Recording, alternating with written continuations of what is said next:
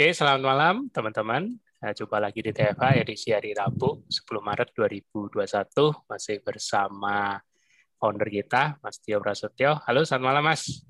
Halo, malam Mas Budi. Malam ya, semua yang hadir. Iya. Yeah. Uh, dan juga narasumber kita malam ini Dr. Saryana yang ada di ah. Wonogiri. Selamat oh, malam, Wonogiri. Dok. Iya. Halo, malam Mas Saryana. Mas. Halo, Mas. Ya. Oh, mana gambarnya nggak kelihatan? Tatap kali ini ya, mesti ya. Iya. gambarnya nggak keluar ya? Kelihatan, kelihatan lah. Kelihatan lah. Aku aku pakai yang ini juga belum masuk ini. Udah di spotlight kok. Tapi yang keluar Saya boleh tanya Mas Tio. Ya, boleh boleh, Mas. Boleh tanya Mas Tio? Boleh, boleh, boleh dong. Saya yang diundang. Saya yang diundang. Kamar loh, Mas. Iya. Gimana gimana, Mas? Kok saya yang diundang untuk tamu malam ini ya? Ya, nah, pertanyaan kan, besar. Kan, kan jadi jadi kita memang TFA itu meng, apa wawancara para para tenaga kesehatan di Indonesia yang sudah ikut KF karena kan selama ini kan uh, banyak pro hmm. kontra seputar uh, tidak makan karbo itu. Mungkin kalau puasa kan nggak ada masalah. Yeah. Tapi kalau tidak makan karbo ini kan pro kontra. Makanya TFA itu ialah acara di mana para tenaga kesehatan nggak yang sudah akhirnya mengerti dan tercerahkan dan sudah menjalankan sendiri, merasakan sendiri, bisa decide sendiri sesuatu hal yang sifatnya belum masuk akal di konvensional secara umum Nah, Mas ini kan salah satunya sudah menjalankan. Hmm. Nah, itu sebabnya kita pada kepo. Kenapa kok siapa yang awalnya? Jadi kita hari ini mau kepoin Mas Tariana. Pertama tahunnya dari mana? Alasannya hmm. apa? Terus misalnya uh, uh, alasannya apa? Terus ada ada kendala apa? Perbaikannya apa yang dirasakan? Terus abis itu hmm. respon lingkungan, respon lingkungan dan sejawatnya gimana? Itu jadi kita kita pengen dengar story-nya kan seorang tenaga kesehatan itu kan uh, kan jujur kan Mas pasti kan melihat awalnya low carb itu tidak makan karbo itu kontroversial kan betul dong? Awalnya dulu dulu ya, betul nggak? Ya, ya. Nah jadi kalau sampai seorang tenaga kesehatan katanya Mas Hanel sebagai seorang dokter bisa akhirnya menerima low carb dan menjalankannya nah seperti pengalaman-pengalaman para tenaga kesehatan lain kenapa kok di tengah dunia konvensional medicine yang yang low carb ini tidak make sense dan mungkin mungkin juga tahu sendiri mas kalau di para warrior kita juga kalau misalnya ngomong kata keto ke dokter langsung udah ah gak usah ini apa itu nggak makan nasi roti mie apa itu makan karbo itu bahaya nanti hipoglikemi dan sebagainya gitu kan kan mas tahu sendiri kan sejarah sejarah yeah. gitu kan tapi kan mas kan yeah. salah satu tenaga kesehatannya akhirnya kok bisa tahu kok kok berani nyoba kok belajar kok mau belajar lebih lanjut kok akhirnya hmm. membuktikan sendiri. Nah, itu ya, kita ya, ya. monggo Mas, dilanjutkan ceritanya, Mas. Pengalamannya di sharing, Mas. Oke. Oke, terima kasih Mas Tio dan Mas Budi. Ya, sebelumnya saya terima kasih ya. Kehormatan ini saya di diundang di nah, forum aku yang makasih para senior senior warrior ini ya. Nah, saya. saya saya baru banget loh ini Mas Tio. Iya, justru iya, itu. iya. Justru justru malah yang baru-baru ini yang penting gitu loh. Karena karena mungkin nanti Mas juga ada pertanyaan-pertanyaan yang masih belum terjawab selama menjalankan walaupun Mas mungkin udah merasakan nanti atau dari cerita Mas nanti Mas misalnya, tapi saya ada nih yang belum kejawab, saya masih masih belum struck ini itu itu. Nah, itu kesempatan ditanyakan karena pertanyaan Mas nanti bisa mewakili nyubi-nyubi lain yang hmm. yang hmm. kalau di KF itu memang pentingnya itu kenapa aku sering sekarang undang undang yang baru nyoba itu kenapa? Karena pertanyaan basic itu nggak ada masalah mas tanyain. Aku bisa justru kita butuh selalu pengulangan. Refresh lagi ilmu lama. Karena kan nggak semua hmm. orang kan senior semua kan pasti udah ada yang baru. Dan yang senior pun juga belum tentu ingat ataupun dulu mungkin ke skip ada ilmu-ilmu ilmu-ilmu baru. Dan dan kalau aku tipenya uh, harus play it by ear maksudnya spontan. Ada pertanyaan asal aku jawab gitu aku nggak bisa planning hmm. jadi aku hmm. senangnya hmm. nanti kalau tiba-tiba kita bisa ngediskus sesuatu yang perlu di refresh lagi dan sebagainya atau mas ada pertanyaan-pertanyaan itu nggak apa-apa jangan sungkan tanyain aja monggo mas silakan oke oke terima kasih saya boleh share screen ya. Monggo. Ah, boleh banget. Monggo, Mas. Saya mulai dulu. Saya buka dengan Assalamualaikum warahmatullahi wabarakatuh. Waalaikumsalam warahmatullahi wabarakatuh.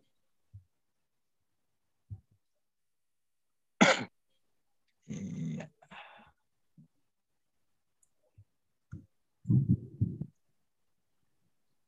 Tinggal di besarin. Ah, ya. Yes. Iya.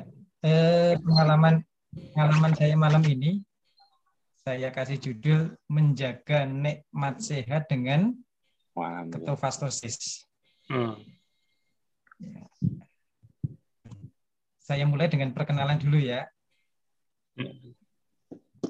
Nama saya seperti yang tertulis, ejaannya kurang lebih seperti itu. Saya lahir di Bantul ya, 20 Desember 1974. Jadi kalau eh, saya asli Jawa ya, jadi mungkin orang kalau melihat ejaan nama saya, saya dikiranya orang Sunda. Padahal sebenarnya asli Bantul ya. Kalau di rumah bukan Saryana tapi Saryono manggilnya. Hmm. Ejaan Jawa. Nah, asli Jawa mas, asli Jawa. Ya. Jadi saya lahir Bantul. Kenapa Bantul saya mirai? Ya, ini nanti kaitannya dengan cerita saya berkarbohidrat dari kecil ya. Eh, pendidikan FKUNS 93 seangkatan dengan Dr. Iskandar ya. Hmm. Kemudian saya tinggal di Bulukerto, Wonogiri. Hmm. Di ujung timur Wonogiri ya ini ya. Kira-kira mungkin 50 kilo dari Wonogiri ya. Jadi kalau dari Solo kira-kira satu setengah sampai dua jam sampai tempat saya. Dan tempatnya ini cukup indah ya.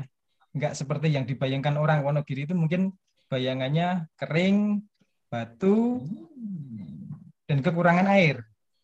Tapi di Wonogiri yang sebelah utara, termasuk di tempat tinggal saya itu, eh, daerahnya subur, cukup indah, air melimpah, Mas. Monggo Mas Hmm. Budi, Mas Tio, atau teman-teman barrier, nek, nanti berkesempatan main ke Wonogiri, silahkan nanti main ke tempat saya nanti. Siap. Siap.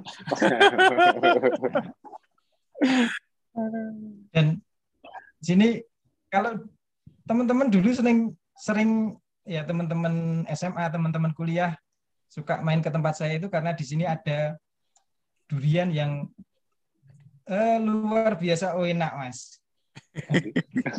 sayang sayang kita sudah anu ya terlanjur masuk di komunitas KF jadi nggak sempat nanti mencicipi duriannya Wonogiri.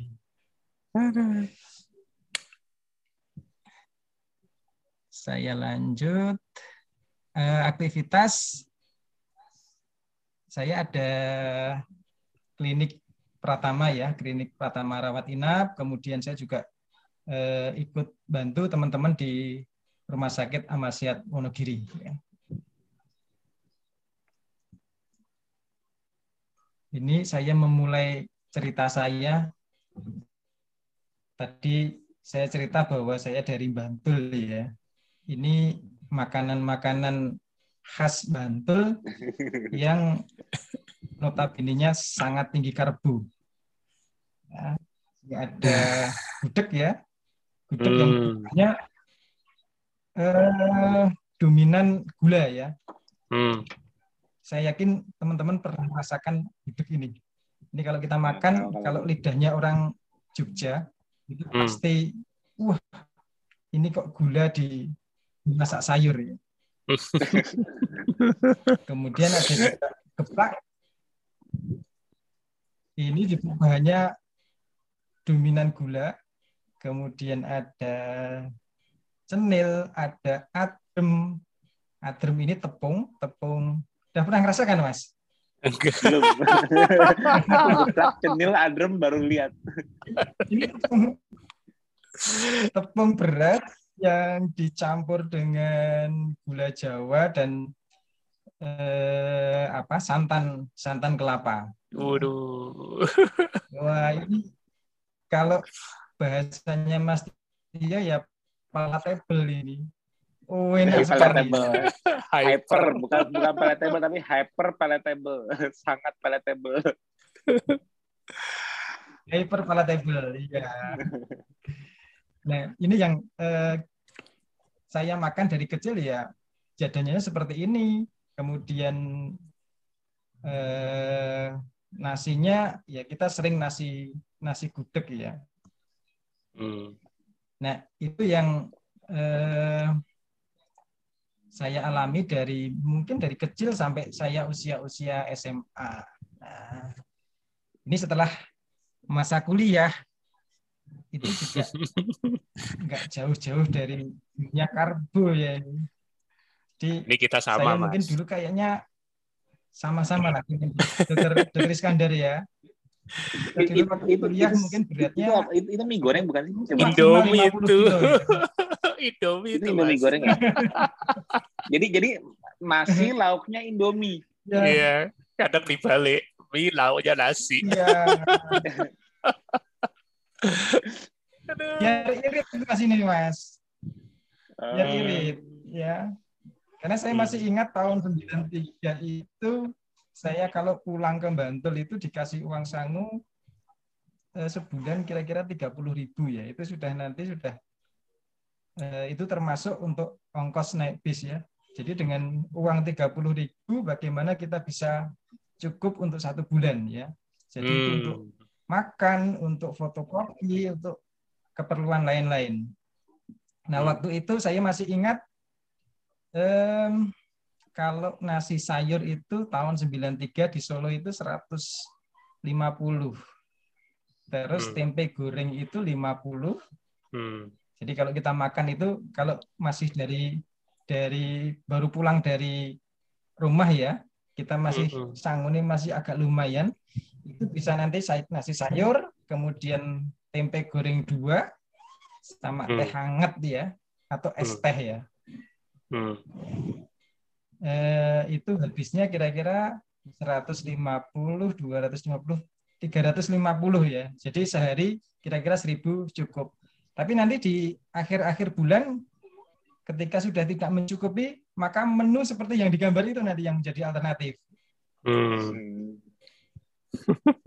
Kita nasinya masak sendiri, kemudian beli beli mie ya satu kardus itu kan dapat harganya murah. Nah itu nanti bisa Makannya tiga kali, Mas. untuk beberapa hari. Makannya tiga kali. Ya, pokoknya ya gimana? Makannya tiga kali sehari. Iya kadang dua kali, kadang tiga kali mas. Hmm. Iya. heeh.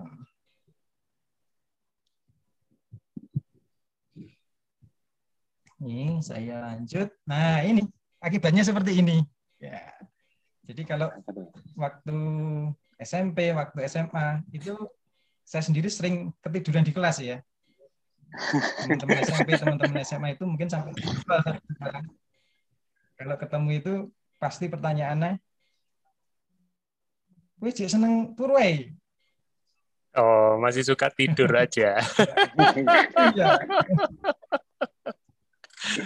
Aduh, yang diingat tukang Nah, tidurnya. Waktu kuliah pun, ya waktu kuliah pun itu juga ya seperti ini. Ya, tadi sore saya baru di telepon eh, teman saya, Dokter Fajar ya, urolog yang di Klaten itu ya ngobrol-ngobrolnya, nanya-nanya tentang seputaran saya yang suka tidur di kelas ya.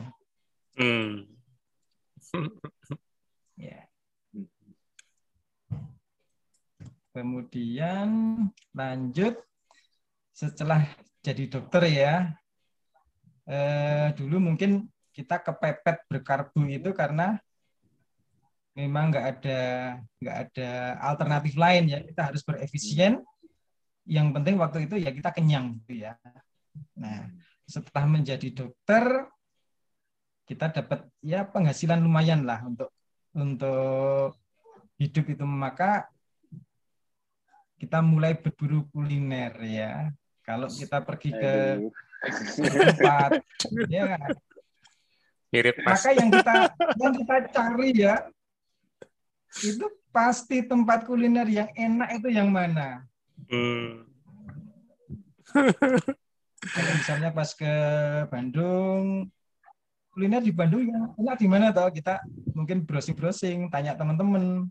Hmm. Eh, kalau pas ke Semarang, ke Surabaya, atau ke ada kegiatan-kegiatan ilmiah yang lain, biasanya kita yang yang kita buru juga kuliner. Dan kuliner Hmm. ini tentu yang palatable dan Hyper.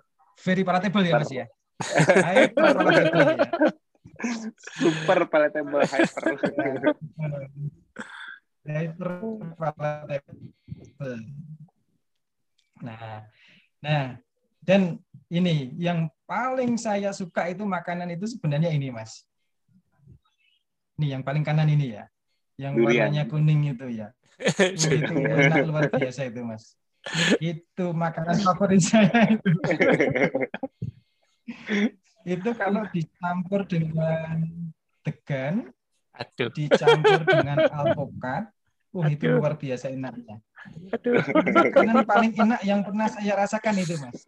Jadi, dicampur dengan alpukat, kemudian dikasih durian. Kalau pas kebetulan di tempat saya itu musim durian, saya itu pagi sarapannya itu degan, alpukat, sama durian itu dicampur, kemudian dimasukkan ke kulkas. Nanti pagi kita sarapan itu, siang nanti pulang dari rumah sakit, makannya itu juga. Malam nanti mau tidur, makannya itu juga.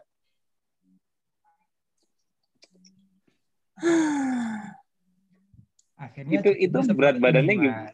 Berat badannya gimana, Mas? Waduh. Ah, baru. Nyambung. Nah, ini, ini saya sama dokter Iskandar ini ya. iya itu dokter Oh, Iskandar sorry. gede banget. Makanya dokter Iskandar kok gede banget. Senyum-senyum dokter Iskandar. Iya. Ini salah tahun 2015. Aduh. 2015. Ini Ini saya kayak teman berburu bareng deh kayaknya. 72. Oh iya. Ini kayak hunter and gatherer di dunia karbo. Modern. Hunter and gatherer di dunia karbo, berburu kuliner. Dokter Iskandar mungkin ini sudah 80 lebih ya, mungkin 80-an 5 ini. Hmm. Dahsyat. Nah, terus eh, sering ya kalau nyopir itu hampir pasti ngantuk, Mas. Perjalanan dari tempat saya ke Solo, ya kota paling paling dekat ya kita itu kan ke Solo. Kira-kira kan perjalanan dua jam. Nah, perjalanan yang dua jam itu kalau saya nyopir sendiri, saya bisa sampai empat jam, bisa sampai lima jam. Karena harus beberapa kali istirahat untuk tidur. Hmm. Bahkan beberapa kali saya itu dari Solo itu habis isak itu ya, ke rumah itu subuh mas. Hmm. Ya karena harus berulang kali anu ya istirahat untuk tidur. Oke. Ngantuk terus. Hmm. Ya, saya lanjut. Itu ya latar belakang Ikut kenapa KF. saya ber-KF. Ya, latar belakang saya secara pribadi, kemudian latar belakang saya sebagai seorang tenaga medis. Eh, kalau kita melihat ya sekarang Fakultas Kedokteran di Indonesia kan sudah luar biasa banyak ya. Hmm. Data pasti saya tidak tahu. Kalau tidak salah mungkin sudah lebih dari 89 FK sekarang di Indonesia itu. Hmm. Teknologi kedokteran juga berkembang luar biasa. terus. Hmm. Jumlah ya rumah sakit, puskesmas, klinik, dan juga provider Hmm. jasa layanan kesehatan juga berkembang. Hmm. Hmm. Penelitian-penelitian juga eh, berkembang luar biasa. Tetapi Hmm. yang ironi ya, kalau kita lihat antrian di rumah sakit ya, itu kan bukan makin sedikit, tetapi justru semakin banyak. Meningkat. ya. Itu kan sesuatu Berarti- yang, yang ironi ya. Demand-nya tinggi, makanya makin banyak. demand untuk untuk demand untuk demand Jadi, untuk eh, merasa sehat dengan di kondisi generatif juga banyak. meningkat luar biasa ya. Hmm. Hmm. Ya, eh, penyakit-penyakit degeneratif yang menggeser penyakit-penyakit menular juga sekarang luar biasa dan terjadi di usia-usia yang relatif lebih muda. muda ya. Hmm. Ya, saya ketemu pasien-pasien diabetes, hipertensi, stroke, eh, AMI atau serangan jantung yang dulu waktu saya sekolah itu mungkin muncul di usia-usia yang lebih tua ya, di atas 50 tahun. Tapi sekarang anak-anak yang usianya di bawah 30 tahun kasusnya sudah luar biasa banyak. Waduh. Hmm. Nah, ini sesuatu yang yang ironi ya. Eh, Seharusnya ilmu kedokteran, ilmu kesehatan itu dipelajari membuat orang itu sehat atau membuat orang itu sakit, Mas. Hmm. Hmm. Hmm. Hmm. Harusnya kan membuat orang itu menjadi lebih sehat. Ya. Hmm. Hmm. Iya, betul. Tetapi kenyataan yang kita temui di lapangan itu kan eh, nggak matching. Hmm. Rumah sakit, dokter, obat.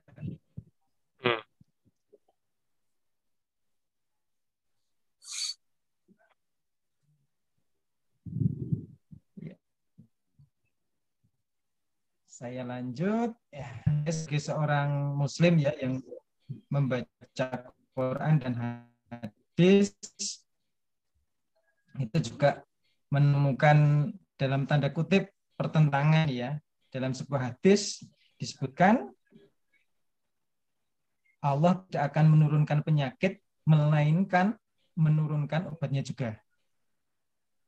Hmm. Nah, terus kemudian di hadis lain itu juga disebutkan em, semua penyakit itu ada obatnya kecuali tua dan mati. Hmm. Betul. Sementara doktrin yang kita dapatkan di ilmu kedokteran, hipertensi, diabetes, alergi, autoimun itu Long life long disease. life disease. Hmm. Jadi ketika Udah pasien udah final. salah satu nanti yang kita edukasikan kepada pasien hipertensi, diabetes, iya, bapak ibu jenengan harus minum obat seumur hidup. Hidup. Nah, ini kan nggak matching ya dengan dengan hadis ini ya. Betul. Hmm. Nah, kita sebagai seorang muslim yang meyakini bahwa kebenaran mutlak itu di Quran dan hadis ya eh, harus mengingkari doktrin yang kita terima dari eh, pelajaran yang kita terima di kampus. Hmm. Nah, nah ini ini menimbulkan sebuah eh, tanda tanya. Kenapa? Hmm. Ya, maka ini perjalanan saya ketemu dengan KF ya.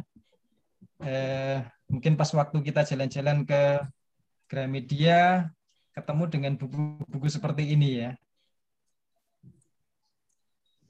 Ada The Miracle of Enzyme ya. Kemudian juga bukunya Dr. Tan, eh, bukunya Dr. Muhammad Ali Toha Asegaf ya. Dari sini mungkin kita juga mendapatkan sedikit pencerahan ya dari dari tanda tanya besar saya tadi. Ya. Kemudian eh, dari media sosial sekarang yang ada kita juga ada pencarian-pencarian ya tentang diet-diet yang bisa menyembuhkan berbagai penyakit ya. Hmm. Ada dietnya Mbak Dewi Hubis, diet kenyang, kemudian santuy ya. hmm. Dr. Zaidul, kemudian di Jogja itu eh, Dr. Sagiran ya, hmm. dengan konsepnya SGR, sehat gaya Rasulullah ya. Ya sekalipun hmm. eh, ini kita tidak mendapatkan jawaban yang memuaskan, menambah wacana kita ya bahwa ketika kita sakit ya kita jangan hanya berpikir dokter, rumah sakit dan obat, tetapi ada satu underlying proses yang harus kita evaluasi dari diri kita sendiri. Hmm. Ya, ya, ini saya juga pernah belajar beberapa pengobatan komplementer ya, akupunktur, kemudian pekam, kemudian obat-obat tradisional ya. Tapi memang eh, kita selalu ada kendala ke pasien-pasien kita. Iya. Nah, kemudian kita mulai berkenalan dengan KF ya. Ini yang mengenalkan Dr. Iskandar ya. ya. Oh, Mas Iskandar. Hmm. Jadi kita kan sering sering juga meeting angkatan kuliah ya dengan narasumbernya Dr. Iskandar kalau tidak salah sama Dr. Sari apa Dr. Tonang itu ya. Eh, pas waktu penyampaian materi biasanya kita kan nggak nggak merhatikan. Biasanya kita itu nimbrung setelah acara selesai gujek-gujek sama teman-teman itu ya. Ya, tapi dari sekilas penjelasan Dokter Iskandar itu ada sesuatu yang menarik ya, tentang eh, look up untuk mencegah fatalitas COVID ya. Nah, setelah itu kebetulan Dokter Iskandar itu rumahnya berdekatan dengan dengan mertua saya. Nah, pas waktu saya berkunjung ke tempat mertua, sholat di masjid, kebetulan imamnya kalau tidak salah Dr. Iskandar. Ya. Terus kita selesai sholat, ketemu, ngobrol-ngobrol, kemudian beliau menyampaikan perkembangan beliau setelah ber-KF ya, yang dulunya cerita memakai insulin ya, yang dosisnya pagi itu sudah 20 unit, sore 20 unit. Setelah ber-KF, kondisinya sekarang luar biasa. Eh, berat badan turun dari 85 jadi mungkin 60-an lebih sedikit. Kemudian parameter laboratoriumnya juga turun semua. Gula darahnya normal, HbA1c turun dari 12 sampai kan tidak salah di angka 7 ya. Nah, dari situ saya mulai tertarik. Ya, searching-searching ketemu channelnya Mas Budi. Hmm. Nah, mulailah mulailah berselancar di di channelnya Mas Budi. Dan sekarang channelnya Mas Budi itu menjadi channel favorit saya ya. Amin. Jangan lupa subscribe. Jangan lupa subscribe. sudah. Amin. Amin. Dan sudah sudah saya share ke mana-mana Mas Budi. Dan sekarang kalau eh, saya perjalanan misalkan naik mobil ya, kalau dulu mungkin eh, kita putar apa channel-channel yang lain, sekarang hmm. favorit channel yang kita putar adalah channelnya Mas Budi. Aduh, tersanjung aku. aku sampai harus minum ponari karena ngiler lihat durian tadi gara-gara. Dan memang keren luar biasa. Ilmunya KF itu keren luar biasa, Mas. Itu saya sampaikan ke mana-mana ya. Ke teman-teman sejawat, kemudian ke saudara-saudara saya, ke pasien-pasien itu juga kalau mau tahu ilmu kedokteran yang sesungguhnya, bukalah channelnya Mas Budi. Berat Mas Tio. lanjut eh, saya memulai KF itu secara pasti saya enggak anu ya enggak menandai ya karena hmm. memang bertahap jadi enggak, enggak melalui fase induksi konsolidasi dan maintenance ya tapi eh, begitu saya tahu eh, karbohidratnya saya skip plus puasa kemudian hmm.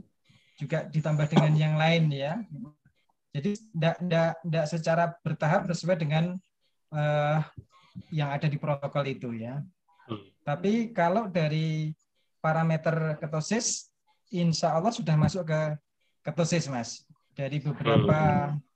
kali kita cek gula darah puasa sudah sering di bawah 80. Wih, syukurlah. Ya. Kemudian perubahan apa yang didapat setelah ber-KF? Total mungkin belum ada tiga bulan ya, mungkin baru baru satu setengah sampai dua bulan ini ya. Saya mengikuti KF cukup disiplin. Hmm.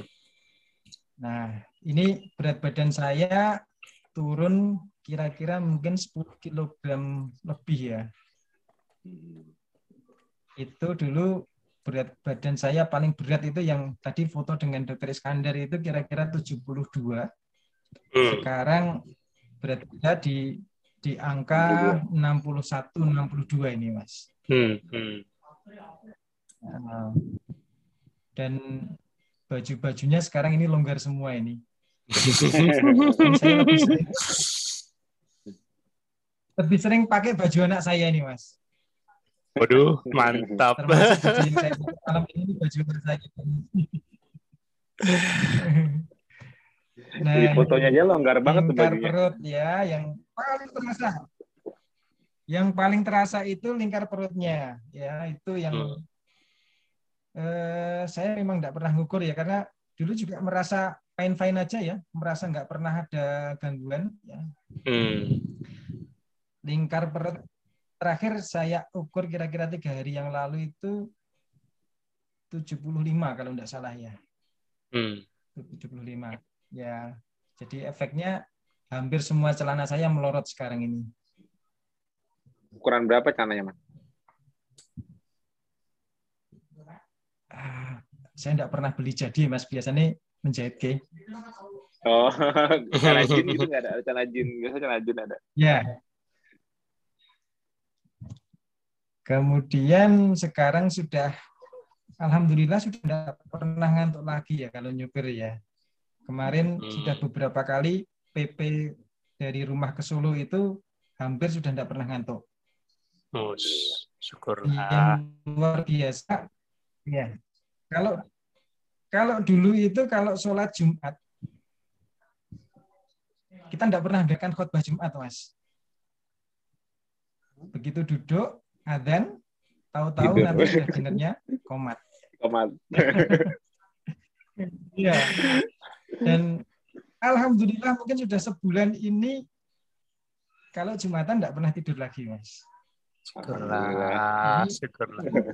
Mudah-mudahan ini eh, Mas Tio, Mas Budi, dan teman-teman wario lain mendapatkan ikut mendapatkan pahalanya juga. Amin, amin, amin. Saya lanjut. Um, saya terakhir itu kan sudah memakai kacamata plus 175. Oh. Uh, waktu itu ya sudah hmm waktu itu saya juga berkaca dengan bapak saya ya ketika di usia-usia 45 itu ya sudah pakai kacamata plus itu ah, sudah ah. dua setengah sampai tiga ya, waktu itu ya saya persepsi ini genetik berarti ya bapak saya dengan kacamata segitu di usia 45 waktu saya usia 45 ya wajar kalau plus mungkin nanti Mas Tio bisa menerangkan mekanismenya hmm. eh, kenapa ini bisa terjadi remisi. ya. Sekarang hmm. untuk membaca, alhamdulillah saya sudah tidak sudah tidak pakai kacamata ya. Nah, kemarin itu kan saya itu orangnya lalan, Mas. Jadi kalau punya kacamata satu, pasti nanti bingung e, ditaruh di mana itu bingung. Makanya saya kalau beli kacamata itu empat lima. Jadi di rumah dikasih, di klinik dikasih, kemudian di rumah sakit saya kasih satu, di mobil dikasih satu. Jadi nanti nggak bingung nanti. Ya. Dan Mantap. sekarang alhamdulillah kalau ketimba ketinggalan kacamata waktu harus baca sudah tidak bingung-bingung lagi, Mas. Hmm. Udah enak ya. Kacamata ya. Alhamdulillah.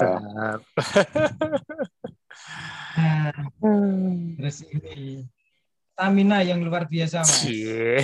Ini yeah. fotonya mirip tahun, Mas. Fotonya mirip. Mantap. ya. Betul. Seger luar biasa sekarang itu, Mas. Hmm. Kalau hmm. Eh, dulu ya, kalau kita itu malam misalkan ada acara harus begadang untuk bangun subuh itu kan berat sekali. Dan ya. setelah yeah. biasanya setelah sholat subuh itu ya kita nggak tertahankan untuk langsung tidur. Tapi sekarang itu, sekalipun misalkan malam kita ada acara harus begadang, itu rasa kantuk itu enggak enggak enggak terasa, hampir enggak terasa. Paling nanti kerasa itu kalau sudah jam kira-kira jam 9, jam 10 pagi itu ya. Kita baru kerasa ngasuk dan e, kita baru tidur ya. Tapi setelah subuh itu tetap badan kita terasa fresh meskipun malam kita harus bergadang sampai jam mungkin jam satu jam jam setengah dua bangun itu juga nggak nggak berat dan setelah subuh tetap badan rasanya fresh dan kalau saya bandingkan mungkin dengan waktu usia-usia stamina ya dibanding dengan usia-usia 30 itu justru lebih segar sekarang. Hmm. Ya, nih, nih kalau saya membandingkan ya before and afternya ya. Hmm. Ini tahun 2015 ya nih, saya barengan dengan Dr. Iya. Iskandar. Yeah. Mungkin jejer uh. ya. Sekarang berat badannya hampir sama ya. Hmm. Itu bajunya dulu pas ya. Sekarang kendar. Ini dari gimana Mas? Dulu bajunya itu yang putih itu pas ya ngepas tapi sekarang jadi kendor banget tuh kayak kegedean bajunya. Iya. Nah, oh, bajunya longgar banget. Ini gara-gara baju itu kemarin saya dimarah istri saya. Jadi istri saya kemarin kan Kenapa? kan dikirimi foto sama temennya. Wah aku harus melu. Nah istri saya marah-marah. Oh baju rapat tuh tinggal foto itu ya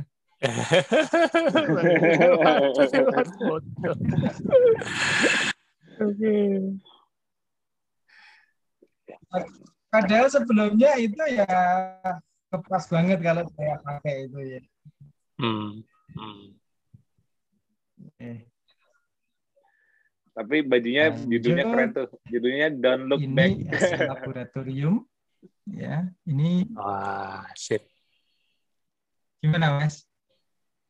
Tadi kaosnya tulisannya don't look nah, back. ini maju terus. Saya cek. ya. Ini hasil laboratorium saya tanggal 15 Februari ya kalau tidak salah. Jadi yang selama ini saya merasa fine-fine aja ya, merasa baik-baik aja. Ternyata hmm. kalau kita cek HbA1c-nya itu sudah 5,8 ya ini sudah masuk pre-diabetes ya Mas ya. Mungkin kalau saya nggak mengubah uh, gaya hidup saya ya dalam waktu mungkin dua tahun tiga tahun nanti sudah jatuh ke diabetes ya. Tapi mungkin kalau kita ukur sekarang kita cek sekarang saya yakin ini sudah menurun signifikan ya karena dari Iya, eh, gula puasa yang sudah mungkin tiga hari empat hari sekali saya cek itu sudah sering di bawah 80. 80 Mas. Ya. Ini hasil SGPT-nya ya. Kemudian urin kreatinin juga bagus. Gula darah puasanya ini waktu itu 84. Kolesterol totalnya 277, HDL-nya 41, LDL-nya. Mas nih yang mungkin eh, nanti bisa diterangkan Mas Tio ya. Hmm. Di angka yeah. 222 ya. Kalau hmm. kita dulu belajar ilmu gizi kan ini LDL ini kan kolesterol jahat ya.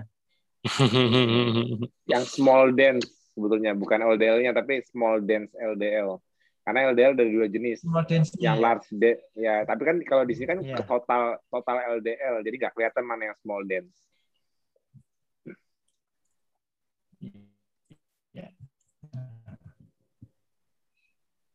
Triglyceridnya 72. Hmm.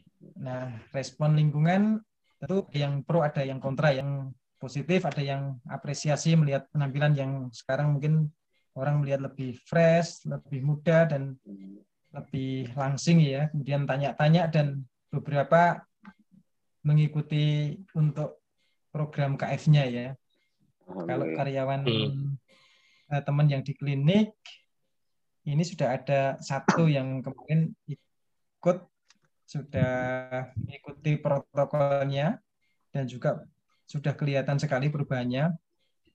Kalau di keluarga, istri, insya Allah juga sudah sudah mengikuti. Anak-anak, saya anak anak saya ada tiga. Kalau yang yang baru itu kuliah semester 4 ini juga sudah mungkin sudah belum ya belum total uh, ikut KF tapi sudah sangat low karbo. Yang nomor dua juga seperti itu. Nah, yang nomor tiga itu baru anu ya usia-usia SMA, jadi baru baru kalau bahasa Jawanya itu semego. Tahu mas semego mas? Enggak tahu. Mas Tio mesti diajarin itu. RM ini gelar RM-nya abal-abal soalnya. Karena belum sempat nyontek artinya apa ya. Mas Budi tahu semoga ya? Udah agak lupa, pernah denger. Ya, masih udah agak lupa sih jujur. Oh, aku tahu. Senang, gitu ya. senang makan, senang makan. Dapat contekan di chat room. Ah. senang makan. senang muka. Senang nasi. Nego itu baru senang-senang nego itu ya. Senang-senangnya nyego ya, betul. Sego. itu nasi ya. Oh, iya, ya. Terus yang negatif juga ada ya, tapi yang bully itu kalau yang sampai bully insya Allah tidak ada ya. Eh, hmm. Mungkin teman-teman sejawat yang masih belum ya. bisa eh, memahami ya, karena pemahaman yang hmm. belum pas tentang ketofastosis ya. Saya yakin hmm. teman-teman dokter sebelum lihat channelnya Mas Budi pasti nganggep ketofastosis itu ya ketoasidosis ya. Dan yeah. itu sesuatu yang toksis, yang membuat pasien dalam kondisi yang berat dan kadang-kadang harus dirawat di ICU. Dan beberapa mempertanyakan tentang eh, KF dalam jangka panjang. Ada dampak buruk KF dalam jangka panjang. Hmm. Ya. Eh, implementasi KF ke pasien-pasien ya. Eh, saya yang sekarang ini ngampu di klinik dan bantu di rumah sakit ya. Sampai saat ini memang kasus COVID masih cukup banyak. Meskipun tidak sebanyak mungkin beberapa waktu yang lalu ya. Tapi hampir hmm. tiap hari kita masih ketemu dengan pasien-pasien yang eh, kita rapid antibody reaktif maupun yang kita rapid dengan antigen itu Eh, positif ya.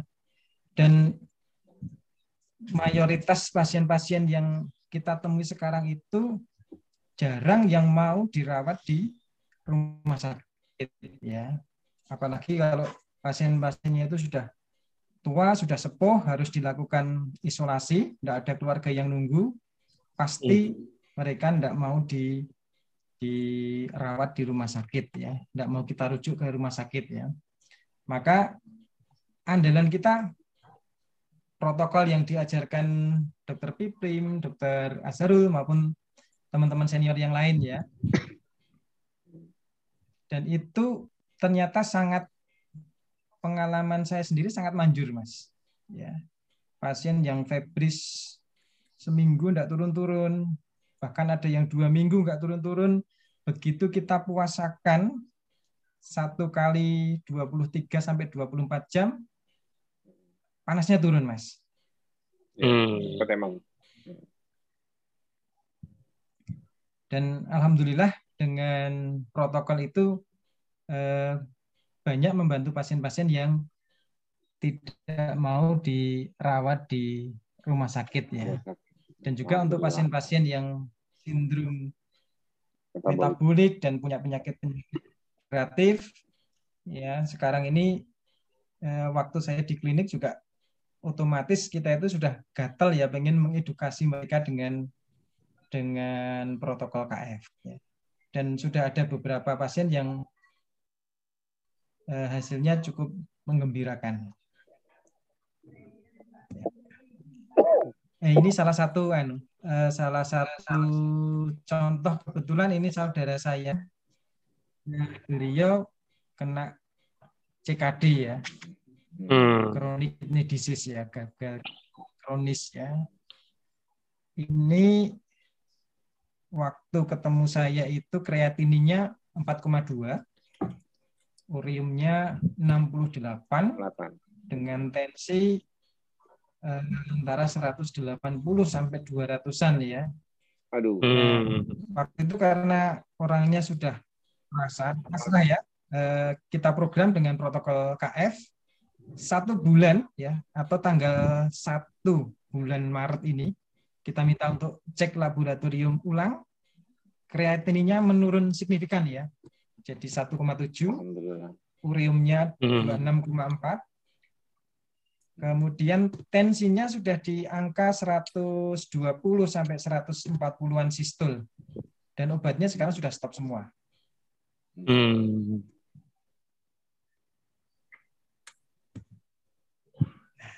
kendalanya kendalanya terus terang masih tidurnya mas saya yang masih keganggu mas ya. karena, karena di, konsulan pasien iya nah, kalau di rumah sakit eh, insya Allah sudah banyak teman-teman yang bantu ya di klinik hmm. kita itu hanya berdua ya hanya berdua ya mau tidak mau kita menghandle eh, pasien itu 24 jam ya. Eh, kalau yang jaga 24 jam memang perawat, tapi tetap eh, ya kita sewaktu-waktu harus siap untuk menerima konsulan pasien ya. Jadi mungkin jam satu malam, jam dua malam kita ditelepon untuk menerima konsulan pasien per telepon ya. Kalau kondisinya memang betul-betul eh, ada kegawatan yang kita harus hadir ya mau tidak mau kita harus bangun ya untuk untuk hadir. Ini yang masih sampai sekarang eh, ini menjadi kendala. Hmm. terus, nah ini kendala juga, godaan. ini godaan terberatnya ini, Mas padahal padahal kan udah dikasih duri mas. Kok masih berani deketin? Iya. Ada durinya. Jadi tem tempat saya itu kan eh, ketinggian kira-kira seribu permukaan dari laut ya. Dan itu sangat cocok untuk durian ya. Nah kemarin saya itu kan memang seneng banget durian. Karena saya seneng maka ya saya itu ngebunkan durian, Mas. Hmm. Saya sudah nanam durian bawor, durian musangking, duri hitam. Apa itu? Sampai apa jenisnya? itu saya koleksi semua, Mas. Ada juga Namlung ya dari Bangka Belitung, kemudian Super Tembaga. Itu saya punya semua ini, itu, Mas. ini kolektor durian ini. nah, eh, mungkin dalam waktu satu tahun ke depan ini sudah sebagian sudah sudah berbuah. Nah ini saya yang jadi kendala sing arep mangan sopo? Sing dijual mas dijual. Dijual.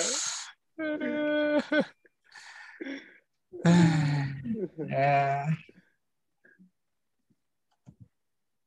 ya mungkin eh, itu sharing saya Mas Tio dan Mas Budi ya. dan teman-teman yep. yang lain. Mungkin nanti di di akhir sesi saya ada beberapa uh, slide lagi yang mungkin bisa saya sampaikan. Mungkin itu dulu Mas Tio. Ya. Ya makasih banyak Mas kalau saranku sih kalau kendala ini mulai berubah deh.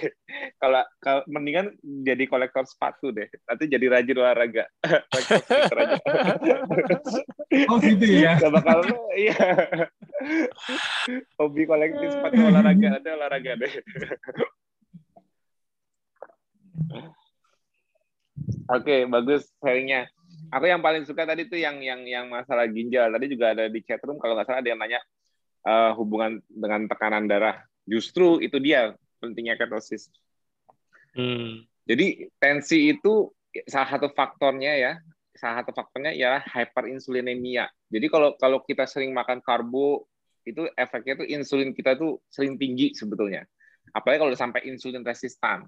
Itu efeknya itu ialah tensi kita rata-rata jadi tinggi rata-rata jadi tinggi. Nah, begitu kita nggak makan karbo, begitu apalagi kita udah udah udah udah udah KF ya intermittent fasting, itu basal insulin kita tidak setinggi sebelumnya dan bahkan mudah rendah. Dan itu yang membuat tensi kita mudah banget turunnya. Apalagi tensi itu ialah akar permasalahan terbesar dari ginjal. Karena apa? Begitu tekanannya tinggi, itu filtrasi ginjal itu pasti selalu terganggu. Jadi orang suka mikir, oh ginjal itu takut karena makan protein apa jadi ginjalnya rusak. Enggak. Yang rusak ginjal itu dua hal yang paling terpenting. Pensi dan gula darah tinggi. Itu yang rusak ginjal. Akarnya di situ. Kalau udah filtrasinya rusak, baru proteinnya akhirnya keluar dari ginjal. Karena harusnya protein, karena harusnya amino asid di dalam protein turnover di dalam darah itu harusnya kalau kalau dalam filtrasinya itu tidak keluar dari glomerulusnya. Kalau filtrasinya masih bagus ya, tapi hmm. karena karena kalau kita sering mengalami tekanan tinggi, tensi tinggi, atau gula darah tinggi, itu yang merusak sel-sel ginjal. Kalau gula darah tinggi, contohnya podositnya jadi rusak. Tekanan tinggi juga gitu, merusak kemampuan ginjal untuk memfiltrasi, menahan, menahan eh, partikel-partikel molekuler besar agar tidak keluar dari filtrasinya. Akhirnya anggap aja kayak renggang gitu. Akhirnya protein gampang keluar. Jadi bukan proteinnya, jadi bukan kita makan protein banyak terus proteinnya keluar ke keluar ke mana? Ke urin. Salah. Ya harusnya nggak bakal keluar. Keluarnya itu karena apa? Karena ya, bermasalah. Jadi pemahaman kita mas. Hah? apa tadi mas? Apa? Sepemahaman kita ya. Iya. Ah. Kalau pasien-pasien gagal ginjal kronis ya, kita kan sangat restriksi protein, Mas.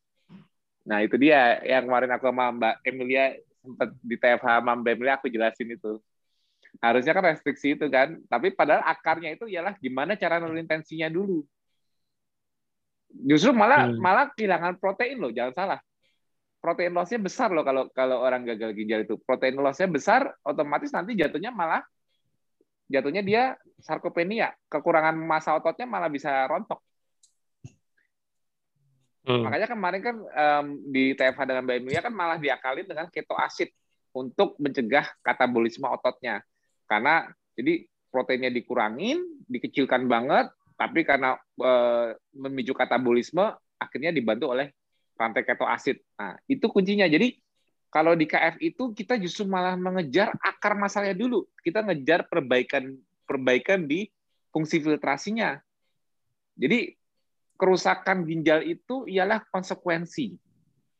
Aku selalu mengajarkan orang bahwa kita ngeliat suatu penyakit gejala yang muncul itu sebuah konsekuensi. Yang kita harus cari itu ialah kausalitasnya, akar. Awalnya bagaimana nih kronologinya kok bisa sampai ginjalnya bermasalah? kan yang kita harus tahu itu kan patofisiologi sebelum terjadinya, Mas. Betul nggak? Kalau kita kan sekarang cuman uh, ya. kalau Mas kan tadi kan ngeluhnya ironinya kan kita cuman treatment gejala. Semua penyakit kayak hipertensi ya, ya kamu seumur hidup minum obat supaya tensinya nggak tinggi. Kamu diabetes, kamu seumur hidup minum obat gula supaya gulanya nggak tinggi. Kan gitu kan? Hmm. Nah, itu kan ironinya. Tapi kan kalau kita mau mau kita cari akar suatu akibat itu pasti ada penyebabnya dong, Mas. Ya. Contohnya kalau kayak ginjal ini filtrasi terganggu, protein sampai keluar, kreatin ureumnya tidak tidak tidak bisa di tidak bisa dikeluarkan sempurna jadi meningkat. Berarti kan ada sesuatu yang yang mengganggu fungsi ginjal. Apa akarnya di situ? Nah, itu dia. Uh, kalau aku ngajarin fisiologinya, aku ajarin kayak renin angiotensin sistemnya. Tapi kalau di sini mungkin terlalu kompleks kalau aku ajarin sekarang renin angiotensin sistem yang aku jelasin kemarin di metabolic conditioning mengenai pentingnya kita menjaga sistem renin angiotensin sistem supaya tidak berlebihan overaktivasi. Contohnya ialah menjaga supaya saraf simpatetik kita tidak over, saraf hmm. simpatetik kita tidak tidak overdrive. Nah, hmm. itu itu pentingnya menjaga fungsi ginjal karena ginjal itu juga yang mengontrol untuk mengatur vasokonstriksi juga di tubuh kita. Jadi kayak misalnya dilatasi dan kontraksi dari pembuluh darah itu kontrolnya juga di renin angiotensin system yang diatur oleh ginjal juga. Karena ginjal yang mensensing ginjal itu fungsinya kayak mensensing tekanannya. Kalau tekanannya kerendahan, dia tingkatin. Kalau ketinggian, dia kurangin. Nah, tapi yang nguranginnya kalau untuk ngurangin tekanannya juga dari baru reseptor, baru refleks kita. Nah, jadi kuncinya gimana caranya supaya ginjal nggak kerja keras ialah apa? Yang paling penting ialah jangan sering tensi tinggi. Itu yang paling penting. Orang ada yang gagal ginjal tanpa perlu dia diabetes dulu. Gula darahnya bisa kelihatan normal, HbA1c bisa kelihatan tidak terlalu tinggi, tapi dia punya masalah ginjal cuma gara-gara tensi. Hmm. Nah, makanya itu pentingnya itu jaga tensi itu, Mas. Nah, tensi ini modal modal awalnya untuk menurunkan tensi itu mudah. Turunkan dulu insulinnya. Tensi mudah turun. Walaupun ada faktor lain yang memicu tensi naik, tapi modal awalnya yang paling mudah ialah apa? Turunkan dulu basal insulinnya, jangan ketinggian.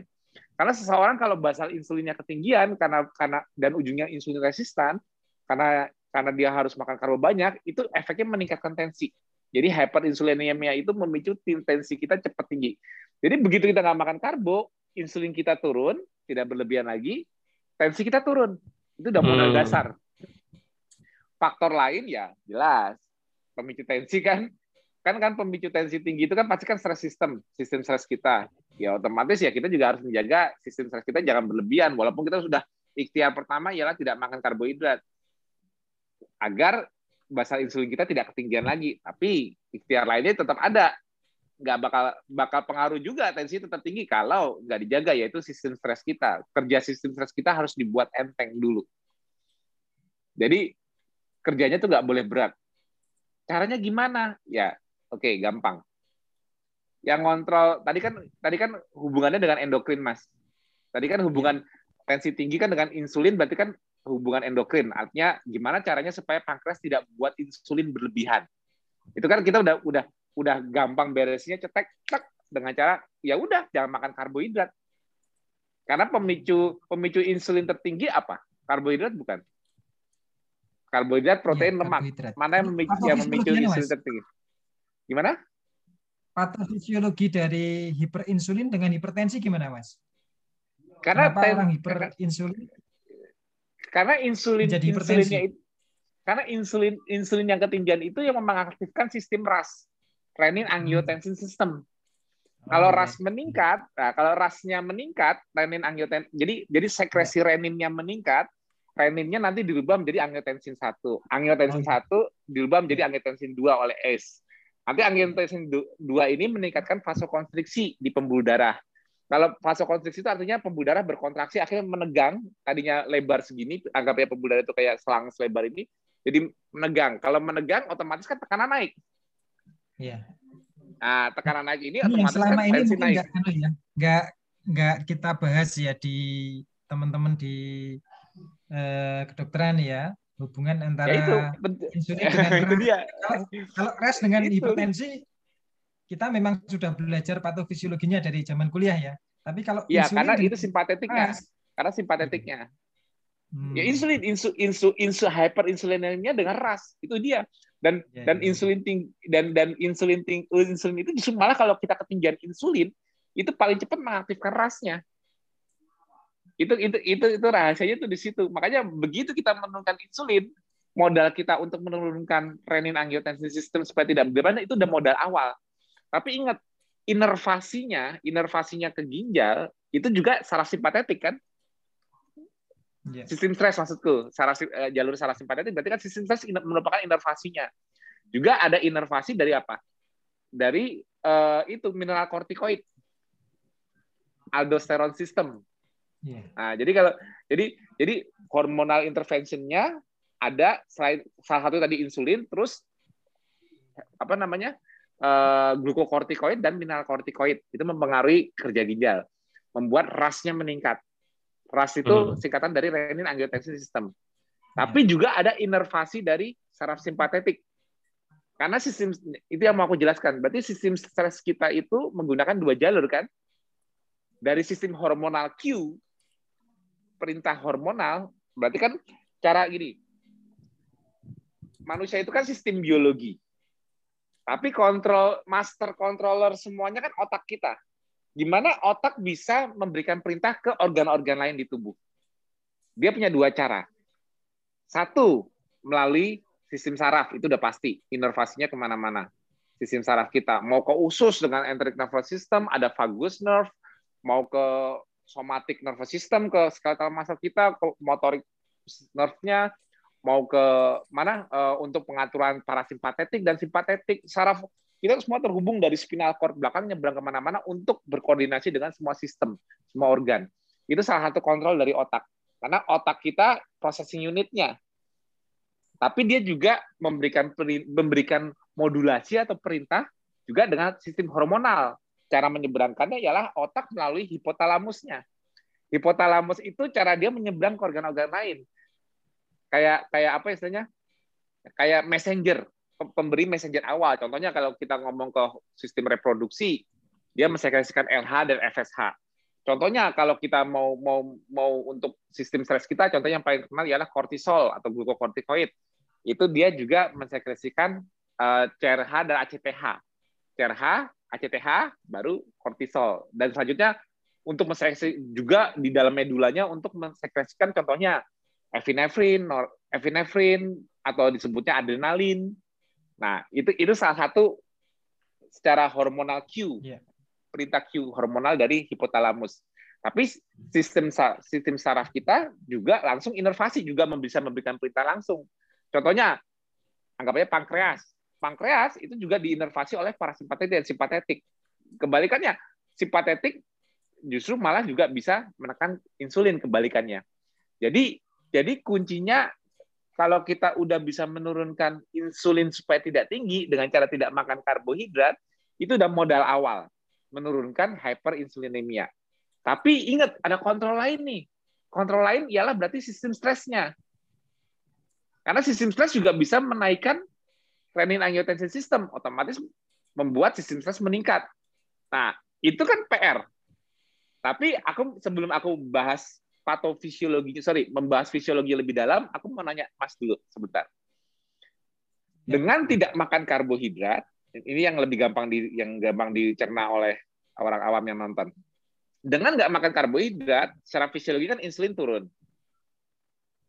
Terus ya. apa? Terus kalau untuk sistem stres bantunya apa Mas?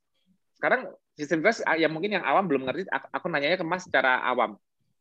Mas setelah tidak makan karbo, aku tanya, kalau tidur di luar kendalanya memang karena ada urusan di luar kendala tadi kan memang karena tadi kan konsulen dan sebagainya lah. Hmm. Tapi kalau memang nggak ada itu, tidur Mas merasa lebih puas nggak? Lebih enak nggak tidurnya kalau udah tidak makan karbohidrat? Aku tanya itu dulu. Oh, Merasa beda nggak tidurnya? Jauh lebih nyaman, Mas. Gimana? Ini tadi saya, iya ini tadi saya Isa aja juga. Ini tadi saya Isa aja udah ngantuk ini Mas tadi Mas. Nah, jadi kayak ada kayak Mas kayak kayak de, padahal aku cuma nggak makan karbo, tapi kayaknya insting insting untuk insting untuk tidurku atau tidurku sendiri lebih pulas dan nyenyak nggak? Pasti terjawab kan? Berarti oh selain tidak makan karbo Iya. menurunkan insulin tidak berlebihan, ternyata membuat aku lebih mudah tidur. Itu itu itu satu kan?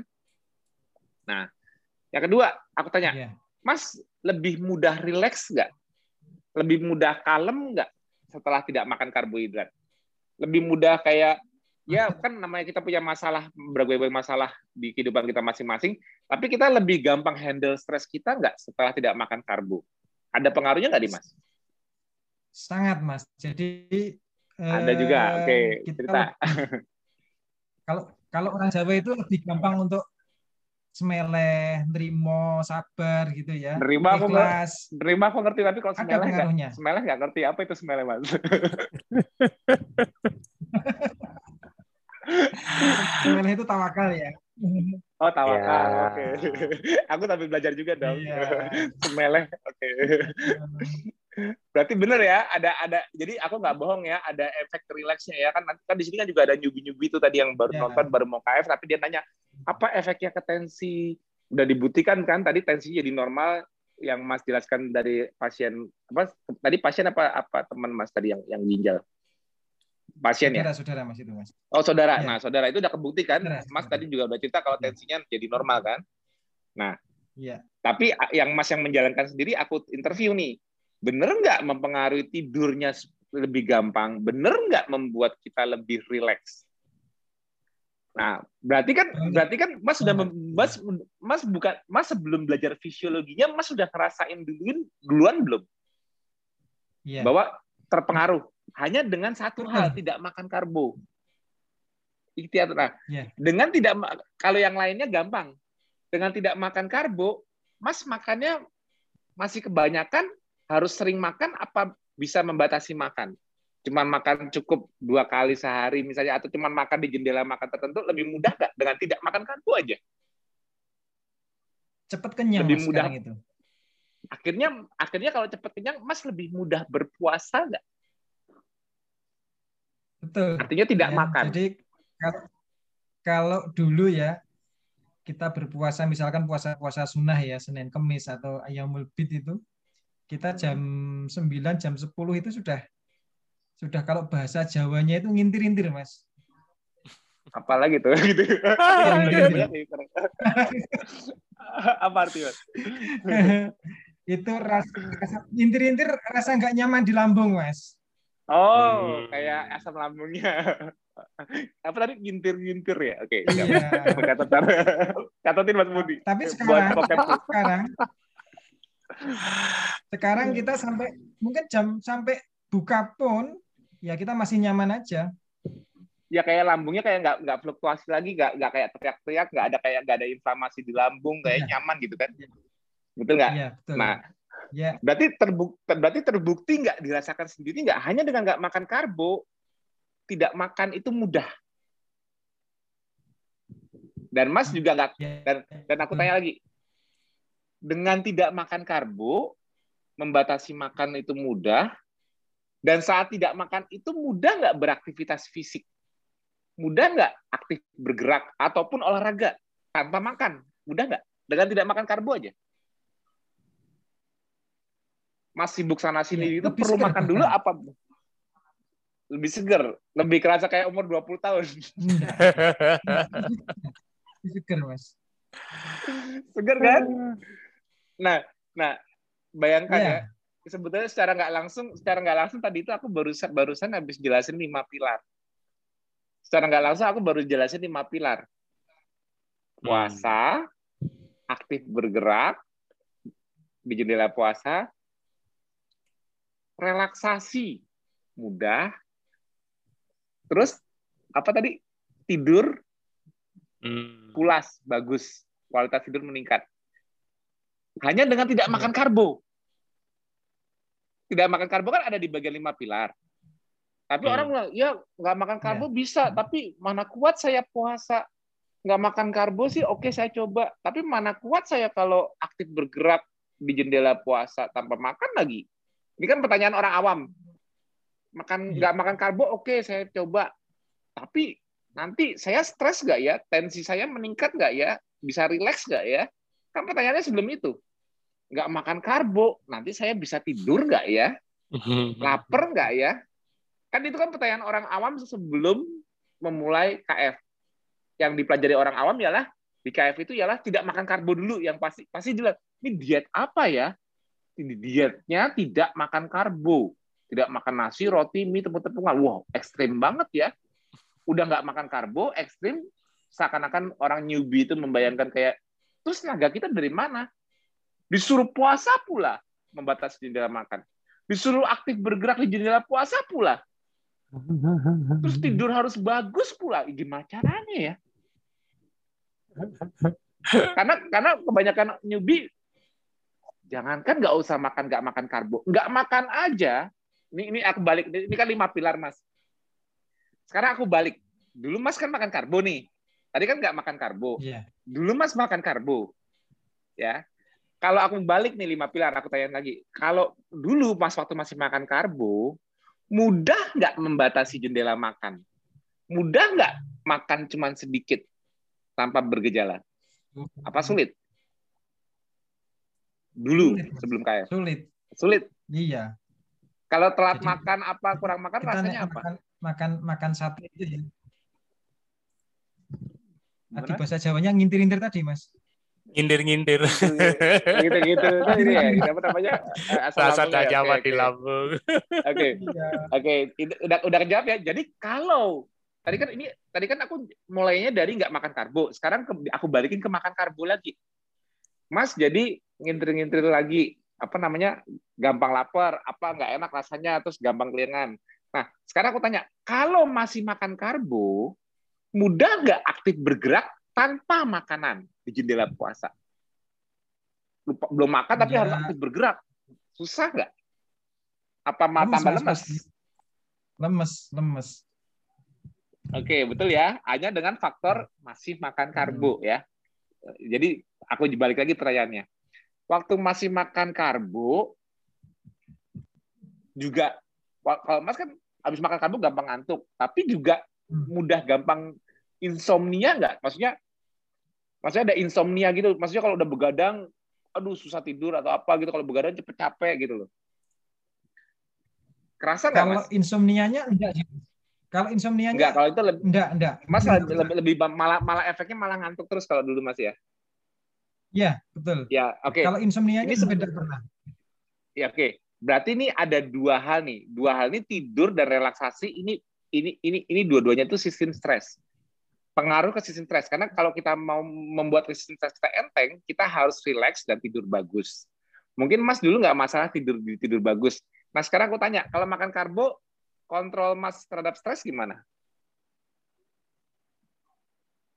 Eh, ya dibanding lebih- sekarang? Jauh nih sekarang jauh lebih anu, Mas. Jauh lebih kita Kalem. itu jauh lebih nyaman dan lebih tenang lah. Kalau dulu kalau misalnya ada stres atau ada pikiran apa-apa supaya lebih tenang harus makan karbo banyak ya. atau makan gula supaya Teh manis, Mas. Teh Teh manis. Teh manis. Kalau minum teh manis baru enak Iya. ya itu kan resep resep nurunin stres ala zaman modern Iya, apa? jadi- Teh manis, sugar and flour. Iya. Iya. Teh manis sama Betul ya? kopi, Mas, dulu saya itu ya. Iya, Hmm. kopi, Iya. kopi susu itu.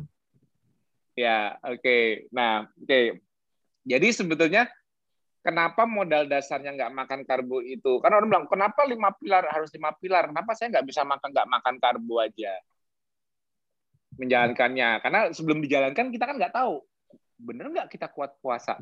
Bener nggak kita aktif bergerak jendela makan? Bener nggak kita bisa relaksasi? Bener nggak kita bisa tidur bagus? Kalau nggak makan karbo. Nah, Mas sudah buktiin semua kan? Dengan nggak makan karbo, itu modal untuk empat pilar lainnya nggak? Aku, aku tanya. Iya, Mas. Nah, kalau Mas kembali makan karbo, Rentetannya ke situ. Kira- ya, kalau Mas kembali makan karbo, kira-kira empat pilarnya lain gimana? Kacau juga. Lebih pasti. sulit? Kacau kan? Iya. Nah, berarti Iya. lima pilar. Jadi jadi jangan ngebayangin, jangan ngebayangin, wah susah lah aku tidur kalau nggak kalau kalau nggak makan karbo dulu, susah lah aku puasa kalau nggak ada tenaganya, susah lah aku olahraga aktif bergerak. Kalau emas aja bawahnya nggak usah disuruh olahraga aja kayaknya pengen pengen kayak gangsingan kan, bawahnya pengen bergerak Iya. terus kan, Iya. Hmm. betul kan? Iya kan? Jadi jadi nggak usah nggak usah nggak usah memasakkan diri pun sebetulnya mas sendiri juga kayak energinya kegedean kan, kayak aktif bergerak kan, bener nggak? Iya. Jadi modal dasarnya nggak makan karbo kan, untuk bisa melakukan empat pilar lainnya, betul nggak? Iya. Jadi pembuka Nah. itu memang. Pembukanya start dengan tidak makan karbo, yang lainnya jadi enteng, tapi dijaga. Tapi kan ya memang ada faktor lain kayak Mas kendalanya tadi kan ini kan urusan duniawi. Sebetulnya kalau mas tidur mas tidur aja, cuma karena harus bangun. Hmm. Karena ini urusan duniawi ya, urusan kerjaan ya. Berarti Iya. PR-nya yang aku nasihati ialah oke kalau memang itu harus kerjakan dan memang itu itu penting karena menolong orang lain misalnya dalam kegawatan dan apa ya harus bangunlah. Ini kan juga dapat pahala. Tapi jangan lupa setelah itu bayar utang tidur. Nah, pesanku cuma itu doang kalau untuk masa kendalanya. Tapi aku mau ngebahas kema- ngebahas lagi ke modal tadi untuk nurunin tensi. Nggak makan karbo udah pasti insulin rendah nggak kalau nggak makan karbo, udah pasti insulin masih tinggi apa lebih rendah dibanding makan karbo? Secara fisiologi. Iya. Udah pasti dong. Otomatis rendah. Nah, Otomatis nah rendah. oke.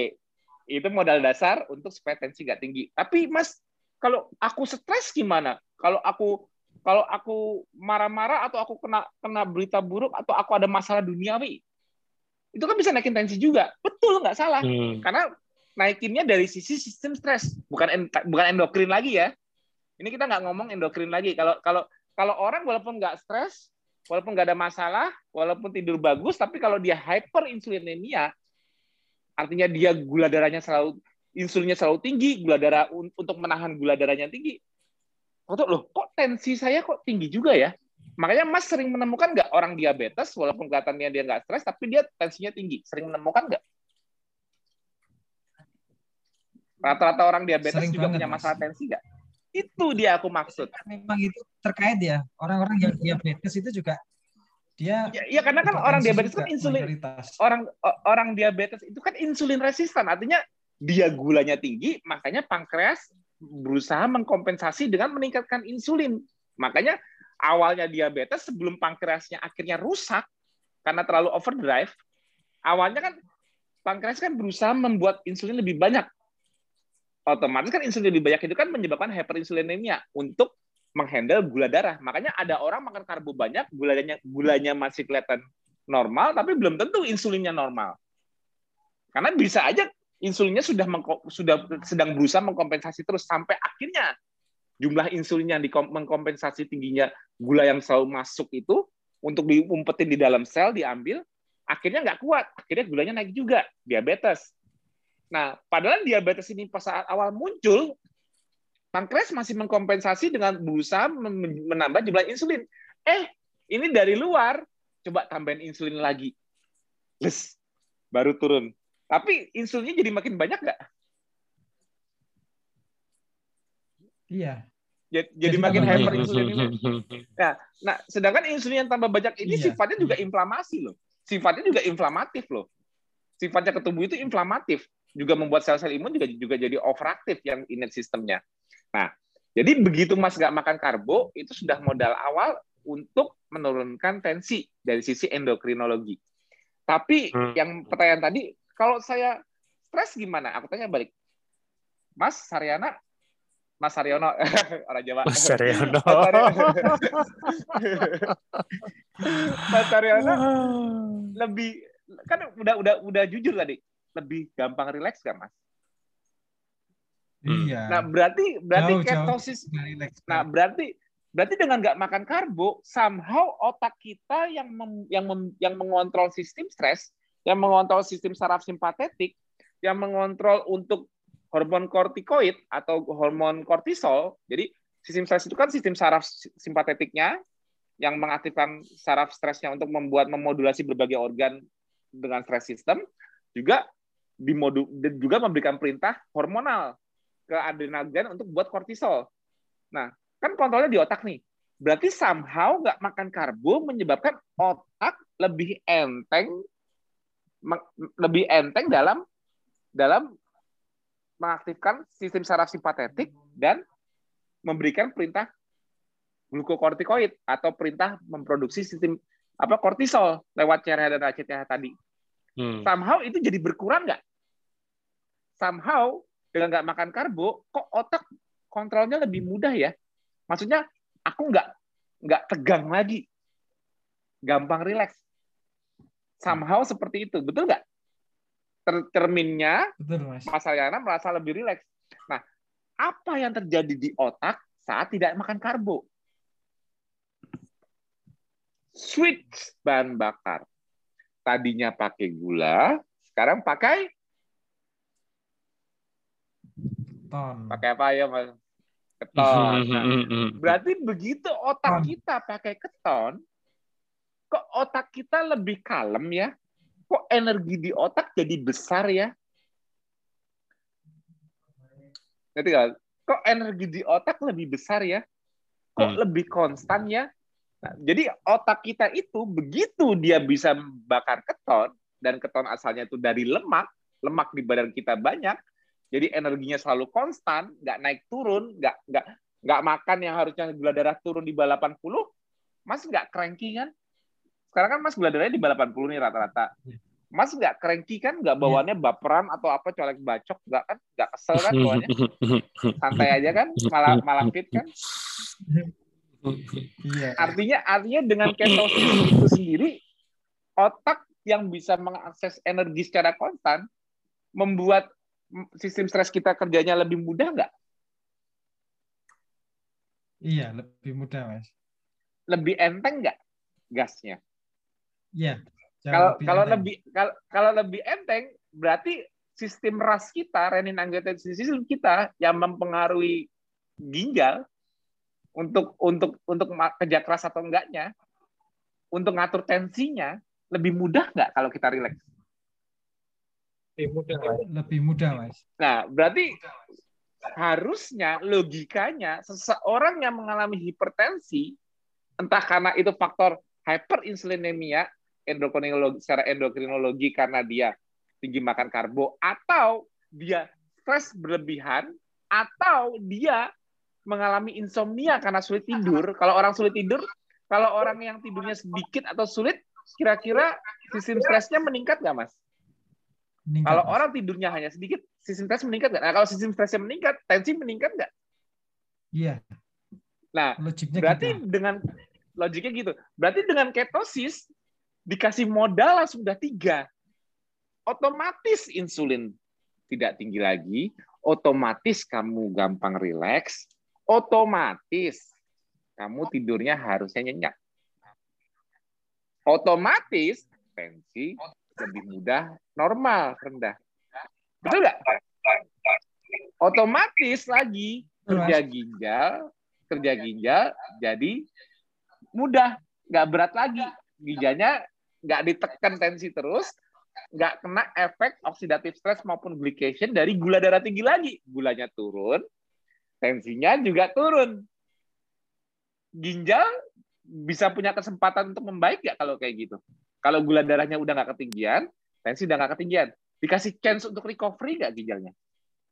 Memperbaiki filtrasinya ya. lagi kira-kira?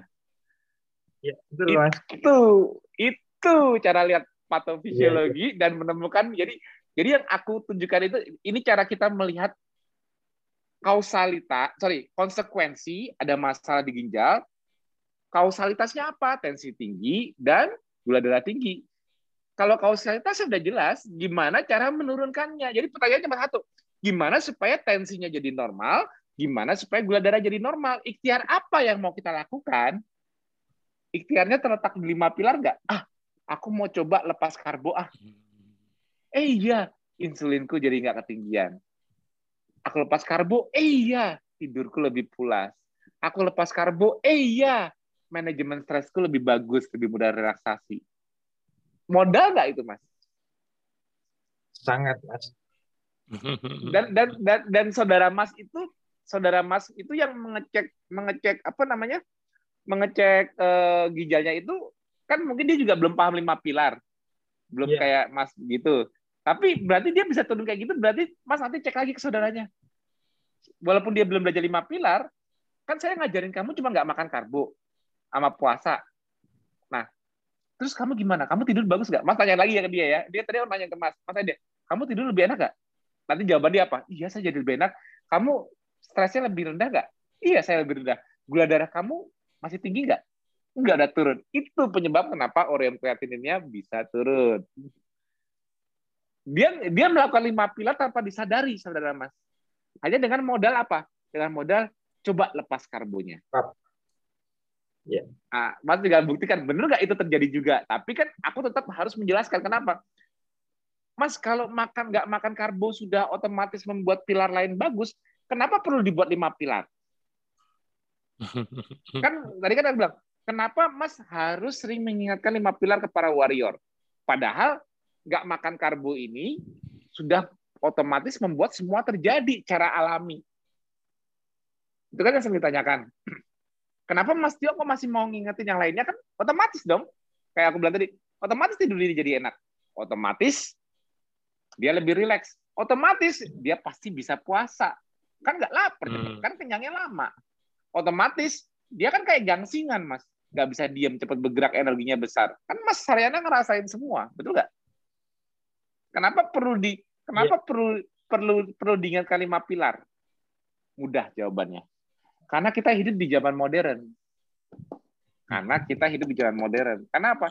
Kalau kamu nggak makan karbo di hutan, tidak perlu lihat channelnya Mas Budi. Tidak perlu belajar macam-macam.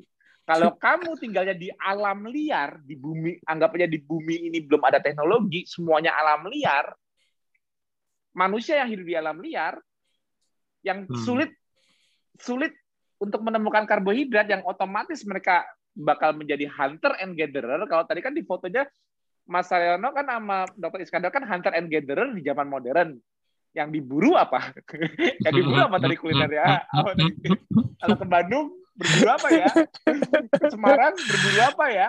Kan kan udah jelas kan apa yang diburu Mas di zaman modern. Iya dong. Udah jelas dong apa yang diburu Mas di zaman modern.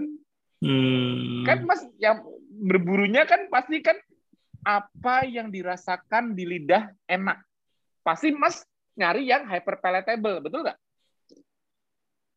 Ya, kalau di Bandung yang paling hmm. kalau di Bandung yang paling hyper palatable apa ya? Google dulu ah. kalau di mana Jogja yang paling hyper palatable apa ya? Google dulu lah.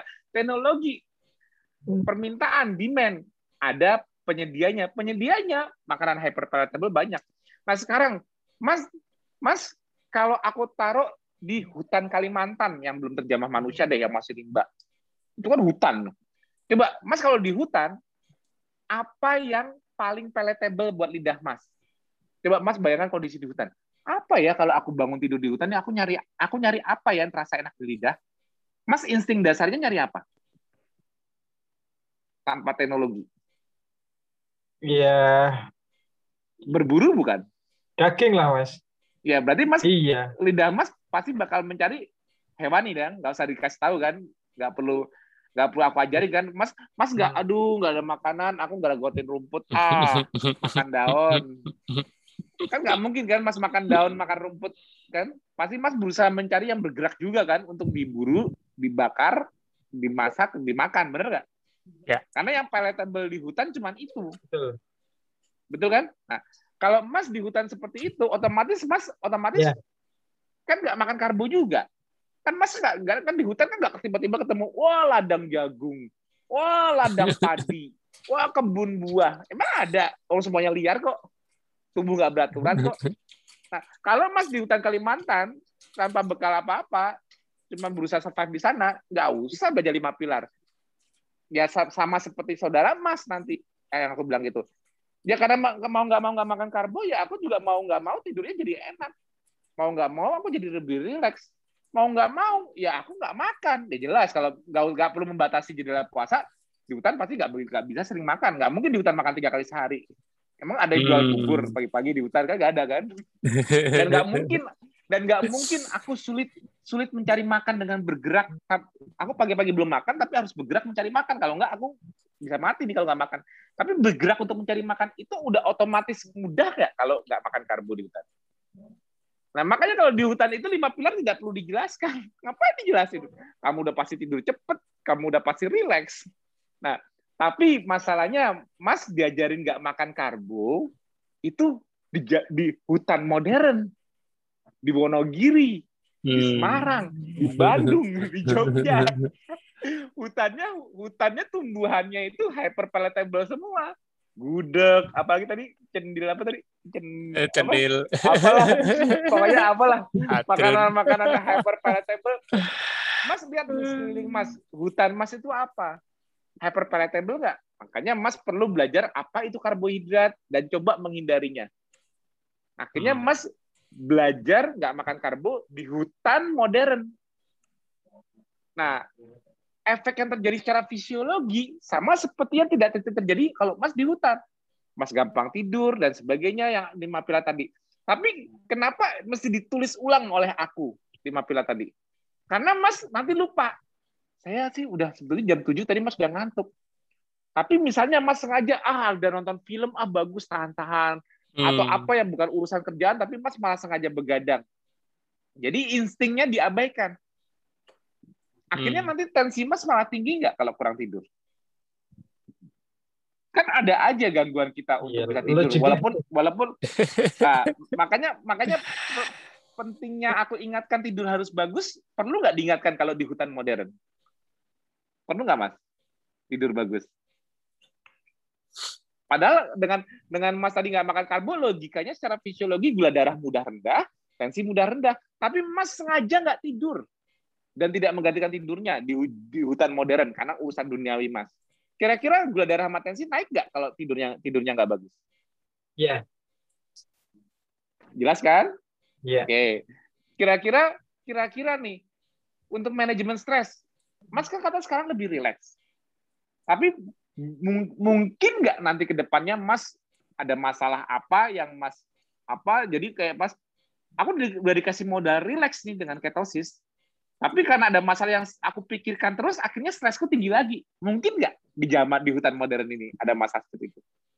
Sangat mungkin, kan? mungkin. kan? Sangat nah, mungkin. nah, kalau, nah jadi perlu diingetin lagi nggak? Kalau ada masalah oke okay lah masalah tapi tetap berusaha relaksasi aku ingatkan pentingnya. Oke, masalah sih banyak, tapi kita harus berusaha relaksasi. Kalau enggak apa? Kalau Mas nggak ngeh di situ, kira-kira tensi sama gulanya naik lagi nggak? Iya. Nah, oke okay ya. Jadi di hutan modern, di hutan modern perlu aku ingatkan lima pilar. Di hutan liar nggak perlu aku ingatkan. Nah, di di hutan modern, aku ingat, ya walaupun Mas nggak lapar, tiba-tiba orang nawarin udah nih makan ini makan ini ini enak. Kalau bisa makan tiga kali sehari. Kalau gue belum lapar tapi makan terus makan terus. Ada aja makanan. Mungkin nggak nggak puasa.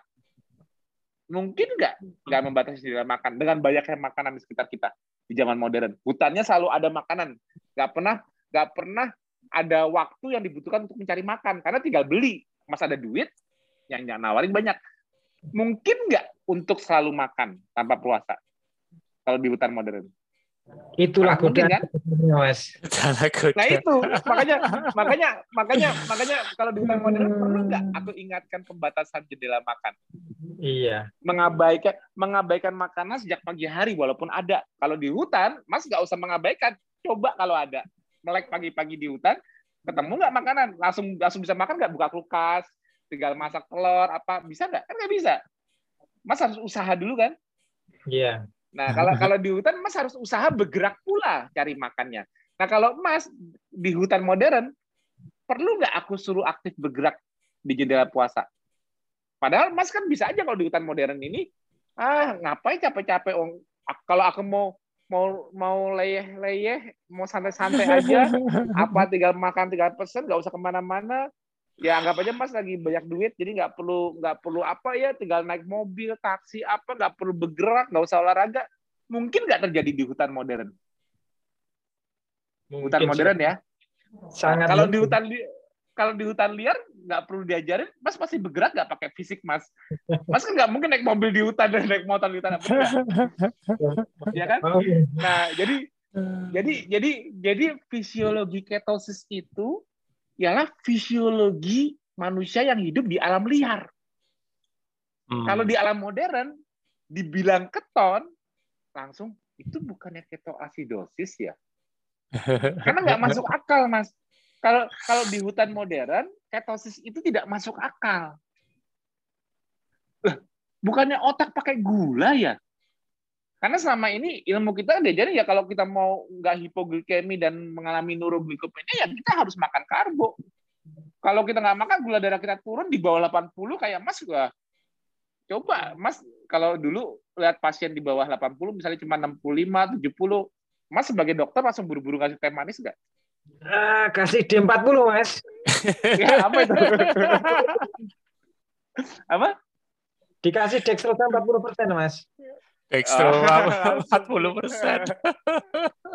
karena Mas karena Mas dengan ilmu Mas udah instingnya waduh nih gawat nih kalau kalau kalau kalau segini nih nanti orangnya bisa karena Mas udah udah udah membayangkan udah Hmm. dari ilmu Mas membayangkan gimana efeknya kalau orang kol- atau mungkin bisa pernah lihat pasien yang benar-benar mengalami hipoglikemi kan diabetes bisa juga hipoglikemi kan Iya. udah ngeliat efeknya seperti itu makanya Mas takut khawatir Mas buru-buru ngasih tapi sekarang Mas sendiri mengalami punya gula darah di bawah 80 santai aja tuh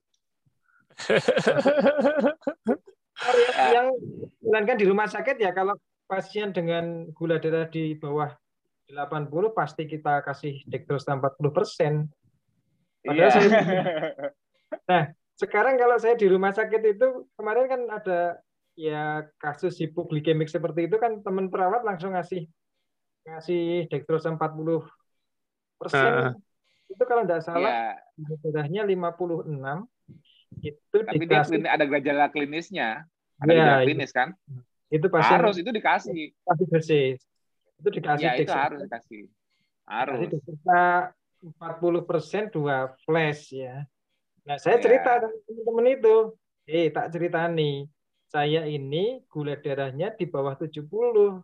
Tadi pagi saya cek 67. Saya kelihatan apa enggak? Enggak dong.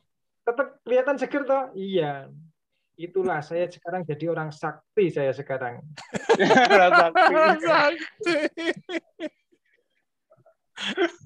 curang. Nggak ngasih tahu kalau otaknya udah ganti keton. Nggak ngasih tahu.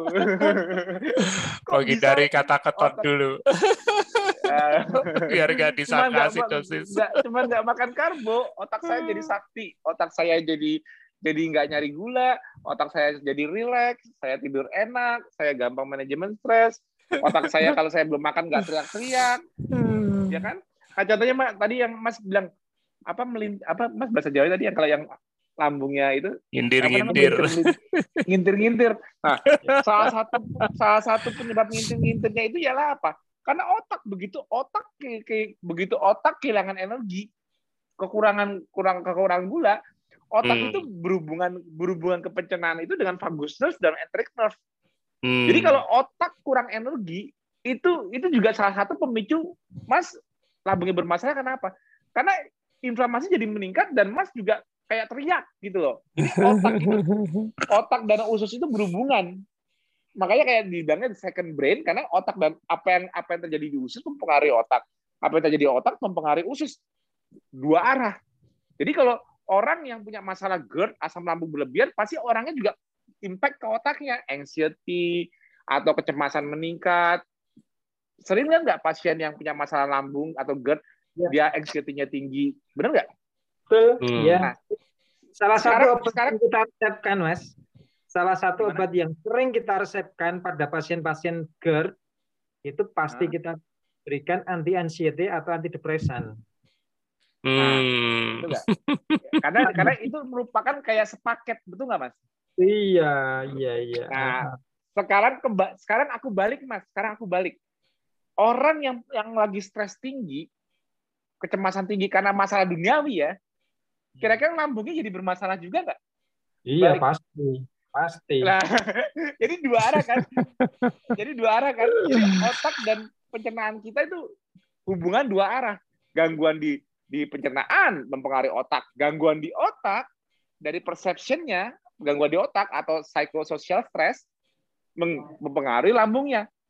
Nah, jadi salah satu jadi kalau Mas secara fisiologinya membuat otak kekurangan energi, contohnya Mas belum ketosis tapi kekurangan gula, pengaruh nggak ke pencernaan? Aku tanya. Iya. Dulu kan Mas kan nggak ketosis, tapi Mas iya. Mas lupa makan, Mas hmm. Mas membuat otak Mas kekurangan energi. Kira-kira pas otaknya teriak langsung juga teriak nggak? Iya. Refleksnya itu, gitu. Patau, itu patofisiologinya kenapa mah itu penyakit sejuta umat. aku nggak ada mah, coba telat makan. Eh iya ya, aku ada mah nih, kerucuk-kerucuk. Nggak enak nih melintir apa, melintir-melintir. Ya kan? Sekarang orang pada sekarang sekarang orang-orang pada ngerasa nggak punya mah kenapa? Kamu mahnya nggak kambuh enggak? Kok bisa nggak kambuh? Kan udah sarapan. Sebetulnya fisiologinya gini, kan aku udah ngasih gula ke otak. Fisiologinya gitu. Kan aku udah ngasih gula ke otak. Hmm. Otomatis lambungku santai juga. Kalau aku telat makan, aku kambuh. Ngerti gak mas? Itu kan cuma bahasa, tapi fisiologinya hubungannya ke otak gak? Kalau yeah. aku kasih gula tinggi ke otak, aku kalem. Tadinya aku colek bacok, aku jadi santai. Hmm. Jadi senyum lambungnya nyaman. Tapi kalau aku nggak masukin gula atau karbohidrat, teriak deh lambungku juga otak teriak, lambung teriak sepaket. Anxiety meningkat, anti depresinya juga meningkat, sepaket dengan lambungnya. Lambungnya bermasalah lagi. Nah, jadi benar nggak ketosis itu modalitas supaya otak itu tidak perlu dapat input gula terus-menerus dari pencernaan supaya dapat energi terus tanpa kekurangan ketosis itu memerdekakan otak nggak? Yeah. Begitu kita ketosis, otak kita nggak perlu nunggu makanan masuk dari mulut, otak kita sudah bisa akses lemak di pipi, perut, paha. Makanya pipi, perut, paha Mas habis 10 kilo. Hmm. Gini Mas Tio. Ya? ya, betul. Ada beberapa teman yang komentar gini Mas Tio. Ah. Uh, itu dalam bahasa Jawa, uang kok demen nyekso awak. Orang kok juga nyiksa. Orang kok suka menyiksa badan sendiri ya. Jadi ketika melihat kita ya, melihat kita yang yang sudah ber-KF ini, ya komentarnya ada beberapa yang mengatakan orang kok suka menyiksa badan sendiri. Nah, hmm. Saya sering komentarnya justru saya balik. Eh, salah kita bukan menyiksa tubuh kita, tetapi justru kita itu memanjakan tubuh kita dengan mengerem lidah dan mulut kita. Tapi kalau kita itu memanjakan lidah dan mulut kita, tetapi itu sebenarnya kita menyiksa tubuh kita. Betul. jadi jadi jadi yang yang yang yang dilihat itu cuma dari sisi psikologinya. Kok kamu dulu yang apa aja dimakan, yang dulu kamu enak makannya, kok sekarang kamu mau sih menunda makan?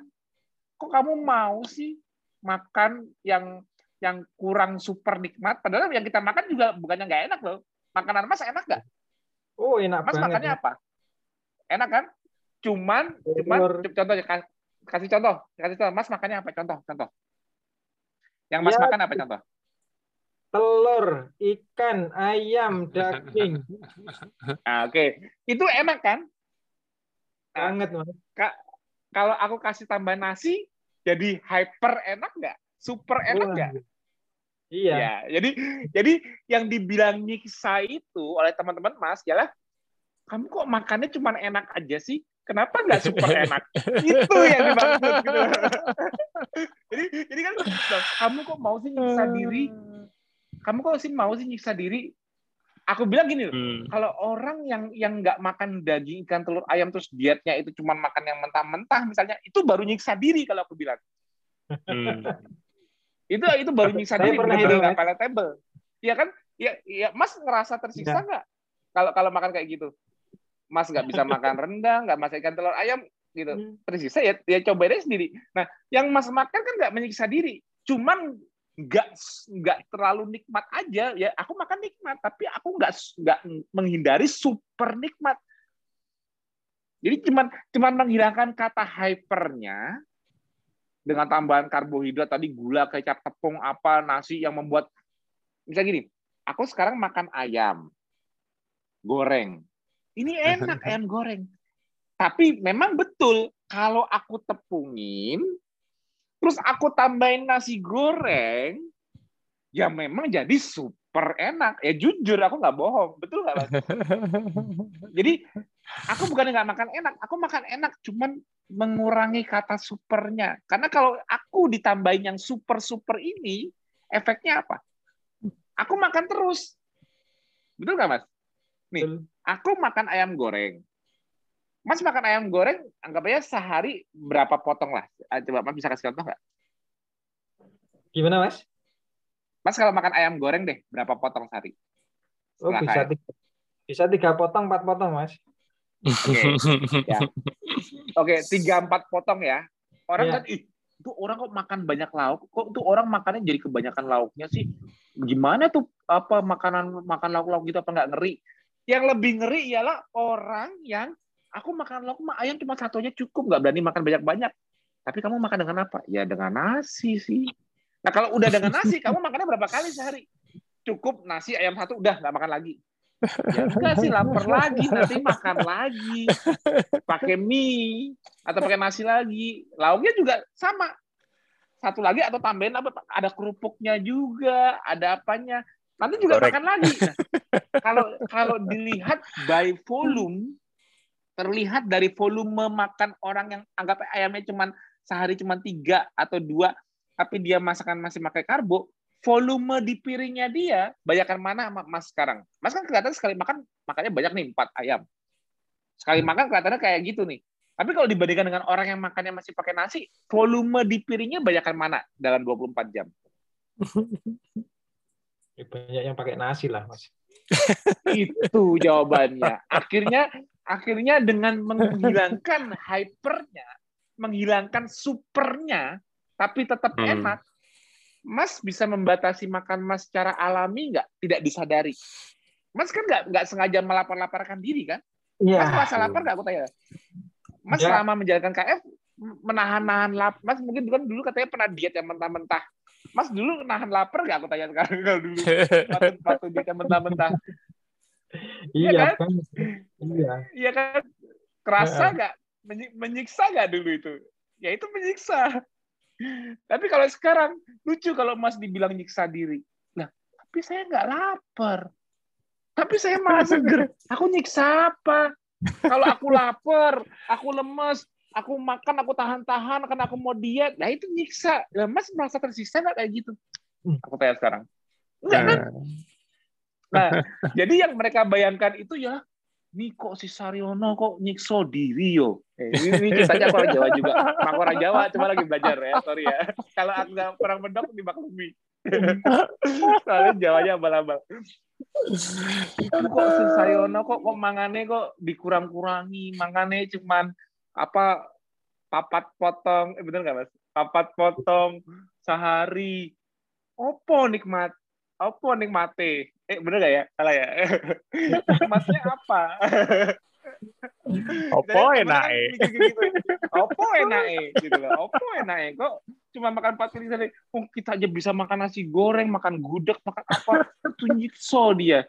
Jadi jadi jadi kalau bagi orang yang nggak ngerti fisiologi, ala Hmm. makan kita dipikir kita nyiksa diri, padahal kitanya nggak tersiksa.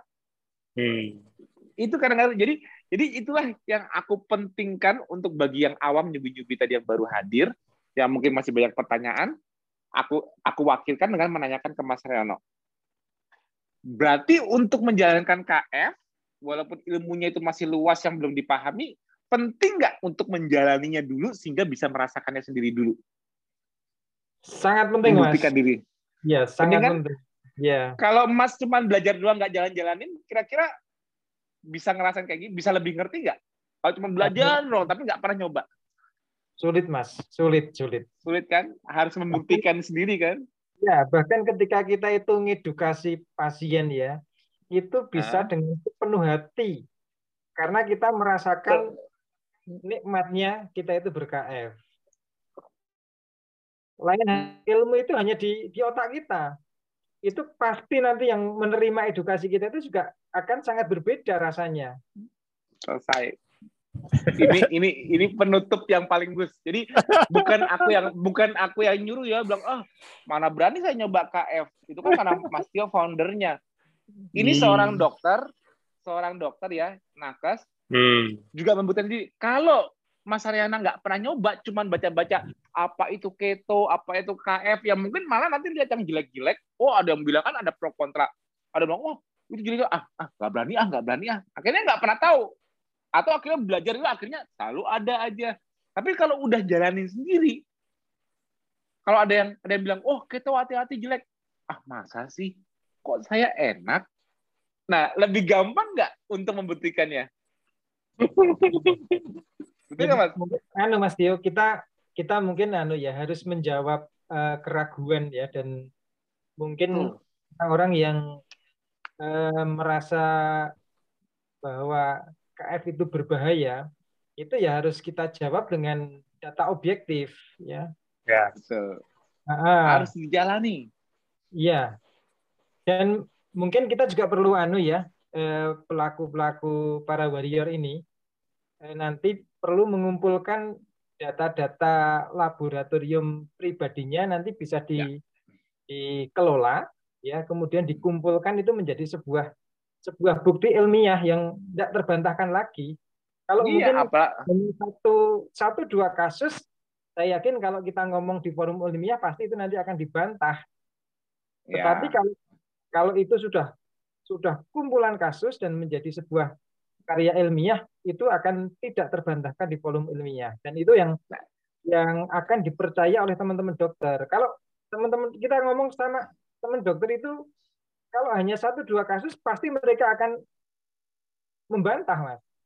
Tapi Nah, kalau itu tapi tapi gimana caranya supaya mereka seperti Mas? Mas kan juga apakah Mas dulu lama berlama-lama menanyakan, "Ah, saya nggak mau kalau nggak ada itunya." Tapi Mas dulu yang makanya kan contohnya kenapa Mas yang belum masih ada kontroversi kok Mas bisa mau nyoba?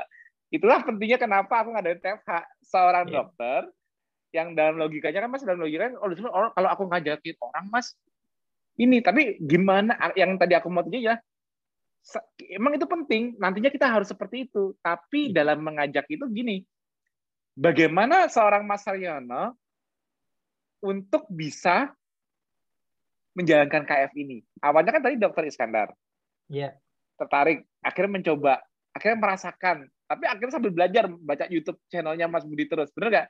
Ya, betul. ya tapi, tapi tapi itu yang aku maksud. Jadi jalan Mas ketemu kebenaran ini yang perlu diterima yang perlu dilakukan orang-orang.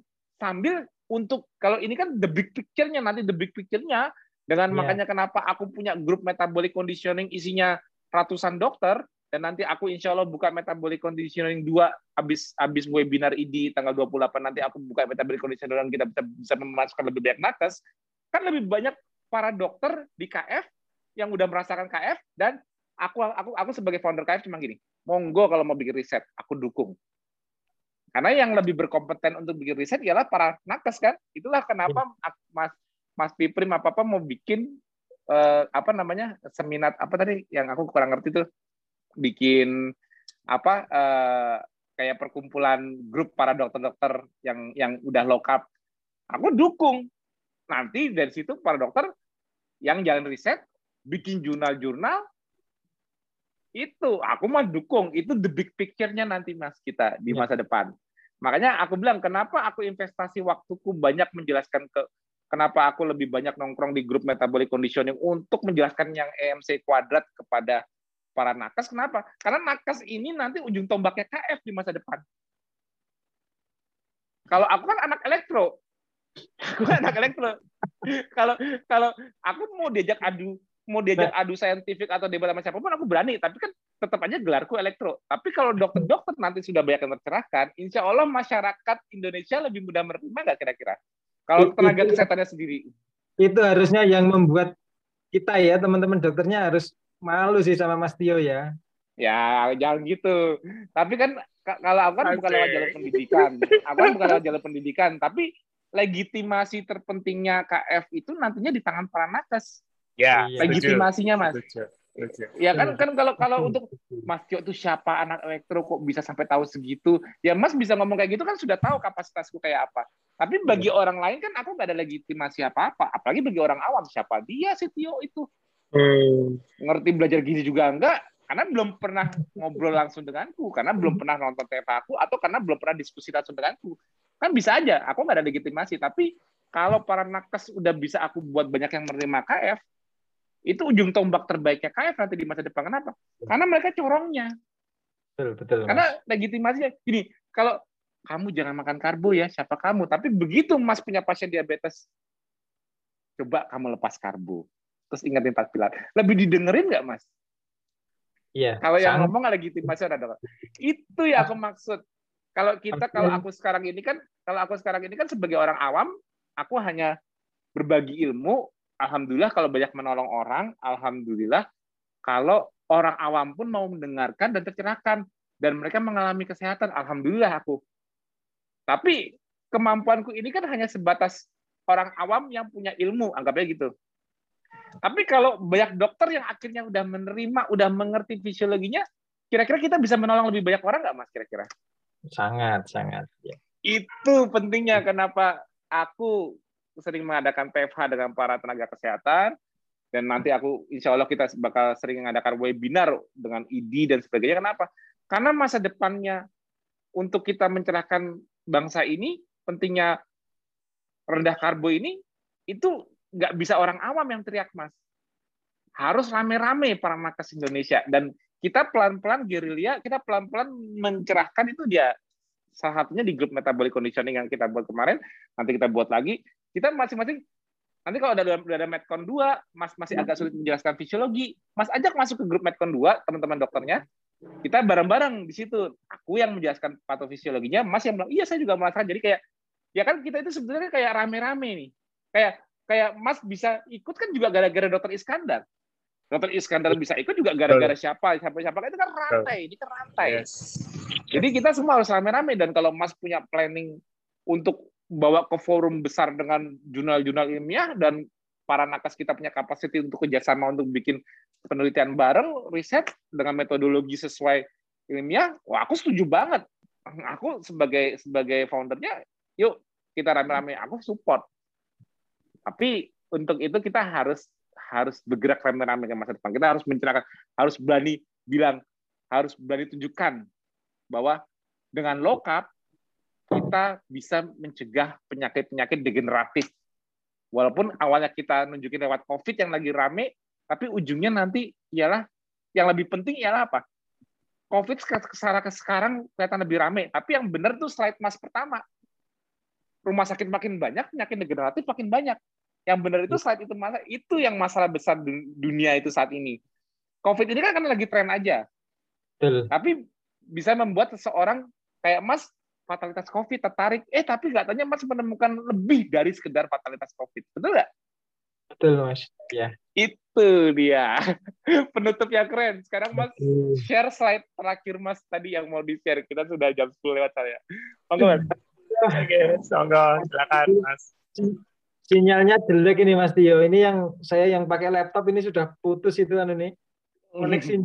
Iya, enggak apa-apa, enggak apa-apa. Ya, oke, okay, aku sempat aja, tanggap tahun ke tahun. Ya, silakan. Ya, closing statement aja ya. Ya. ya. Eh, saya sekarang baru ketemu jawaban ya dari dari hadis yang mungkin kita baca ya bahwa semua penyakit itu ada obatnya kecuali dua ya, satu tua dua mati dari KF yang digawangi oleh Mas Tio ya. Ya ini mudah-mudahan eh, ke depan semakin banyak orang yang tidak tergantung lagi dengan obat, tidak tergantung hmm. lagi dengan dokter, tidak tergantung lagi dengan rumah sakit ya. Hmm. Jadi ketika mereka sakit, maka dia evaluasi terhadap dirinya sendiri apa yang tidak benar dengan diri saya. Dokter terbaik adalah diri sendiri obat terbaik bukan obat yang keluar dari farmasi yang branded, yang harganya mahal, tetapi obat terbaik adalah bagaimana kita bergaya hidup yang sehat. Mungkin Amin. closing seperti itu Mas Dio. Keren, keren. Mantap, mantap. keren, keren, keren. Thank you banget Mas Rena. Sangat Mas, kalau Mas Tio closingnya udah udah curi start tadi. Jadi aku Udah. nggak perlu kasih. Thank you Mas Sarya, Saryono ya dari Ya. Wonogiri. Kayaknya memang harus ke Wonogiri Mas setelah pandemi udah diundang kita. Ya, ya, siap. siap, kita seminar di sana. Ya, tunggu. Oke. saya pas ada acara ke Jakarta mampir ke tempatnya Mas Tio nanti. Iya, harus dong kalau ke sip, Jakarta sip, mampir sip. Mantap, mantap. Oke, thank you Mas Saryono ya kan. Thank you juga Ya, untuk Mas Tio ya. inspiratif. yang selalu uh, mensupport kita. Jangan lupa hari Sabtu kita masih ada TFH satu kali lagi di minggu ini. Selalu stay tune, selalu standby, dan selalu semangat menjalankan KF di mana pun Anda berada. Selamat malam, thank you Mas. Malam semua. Música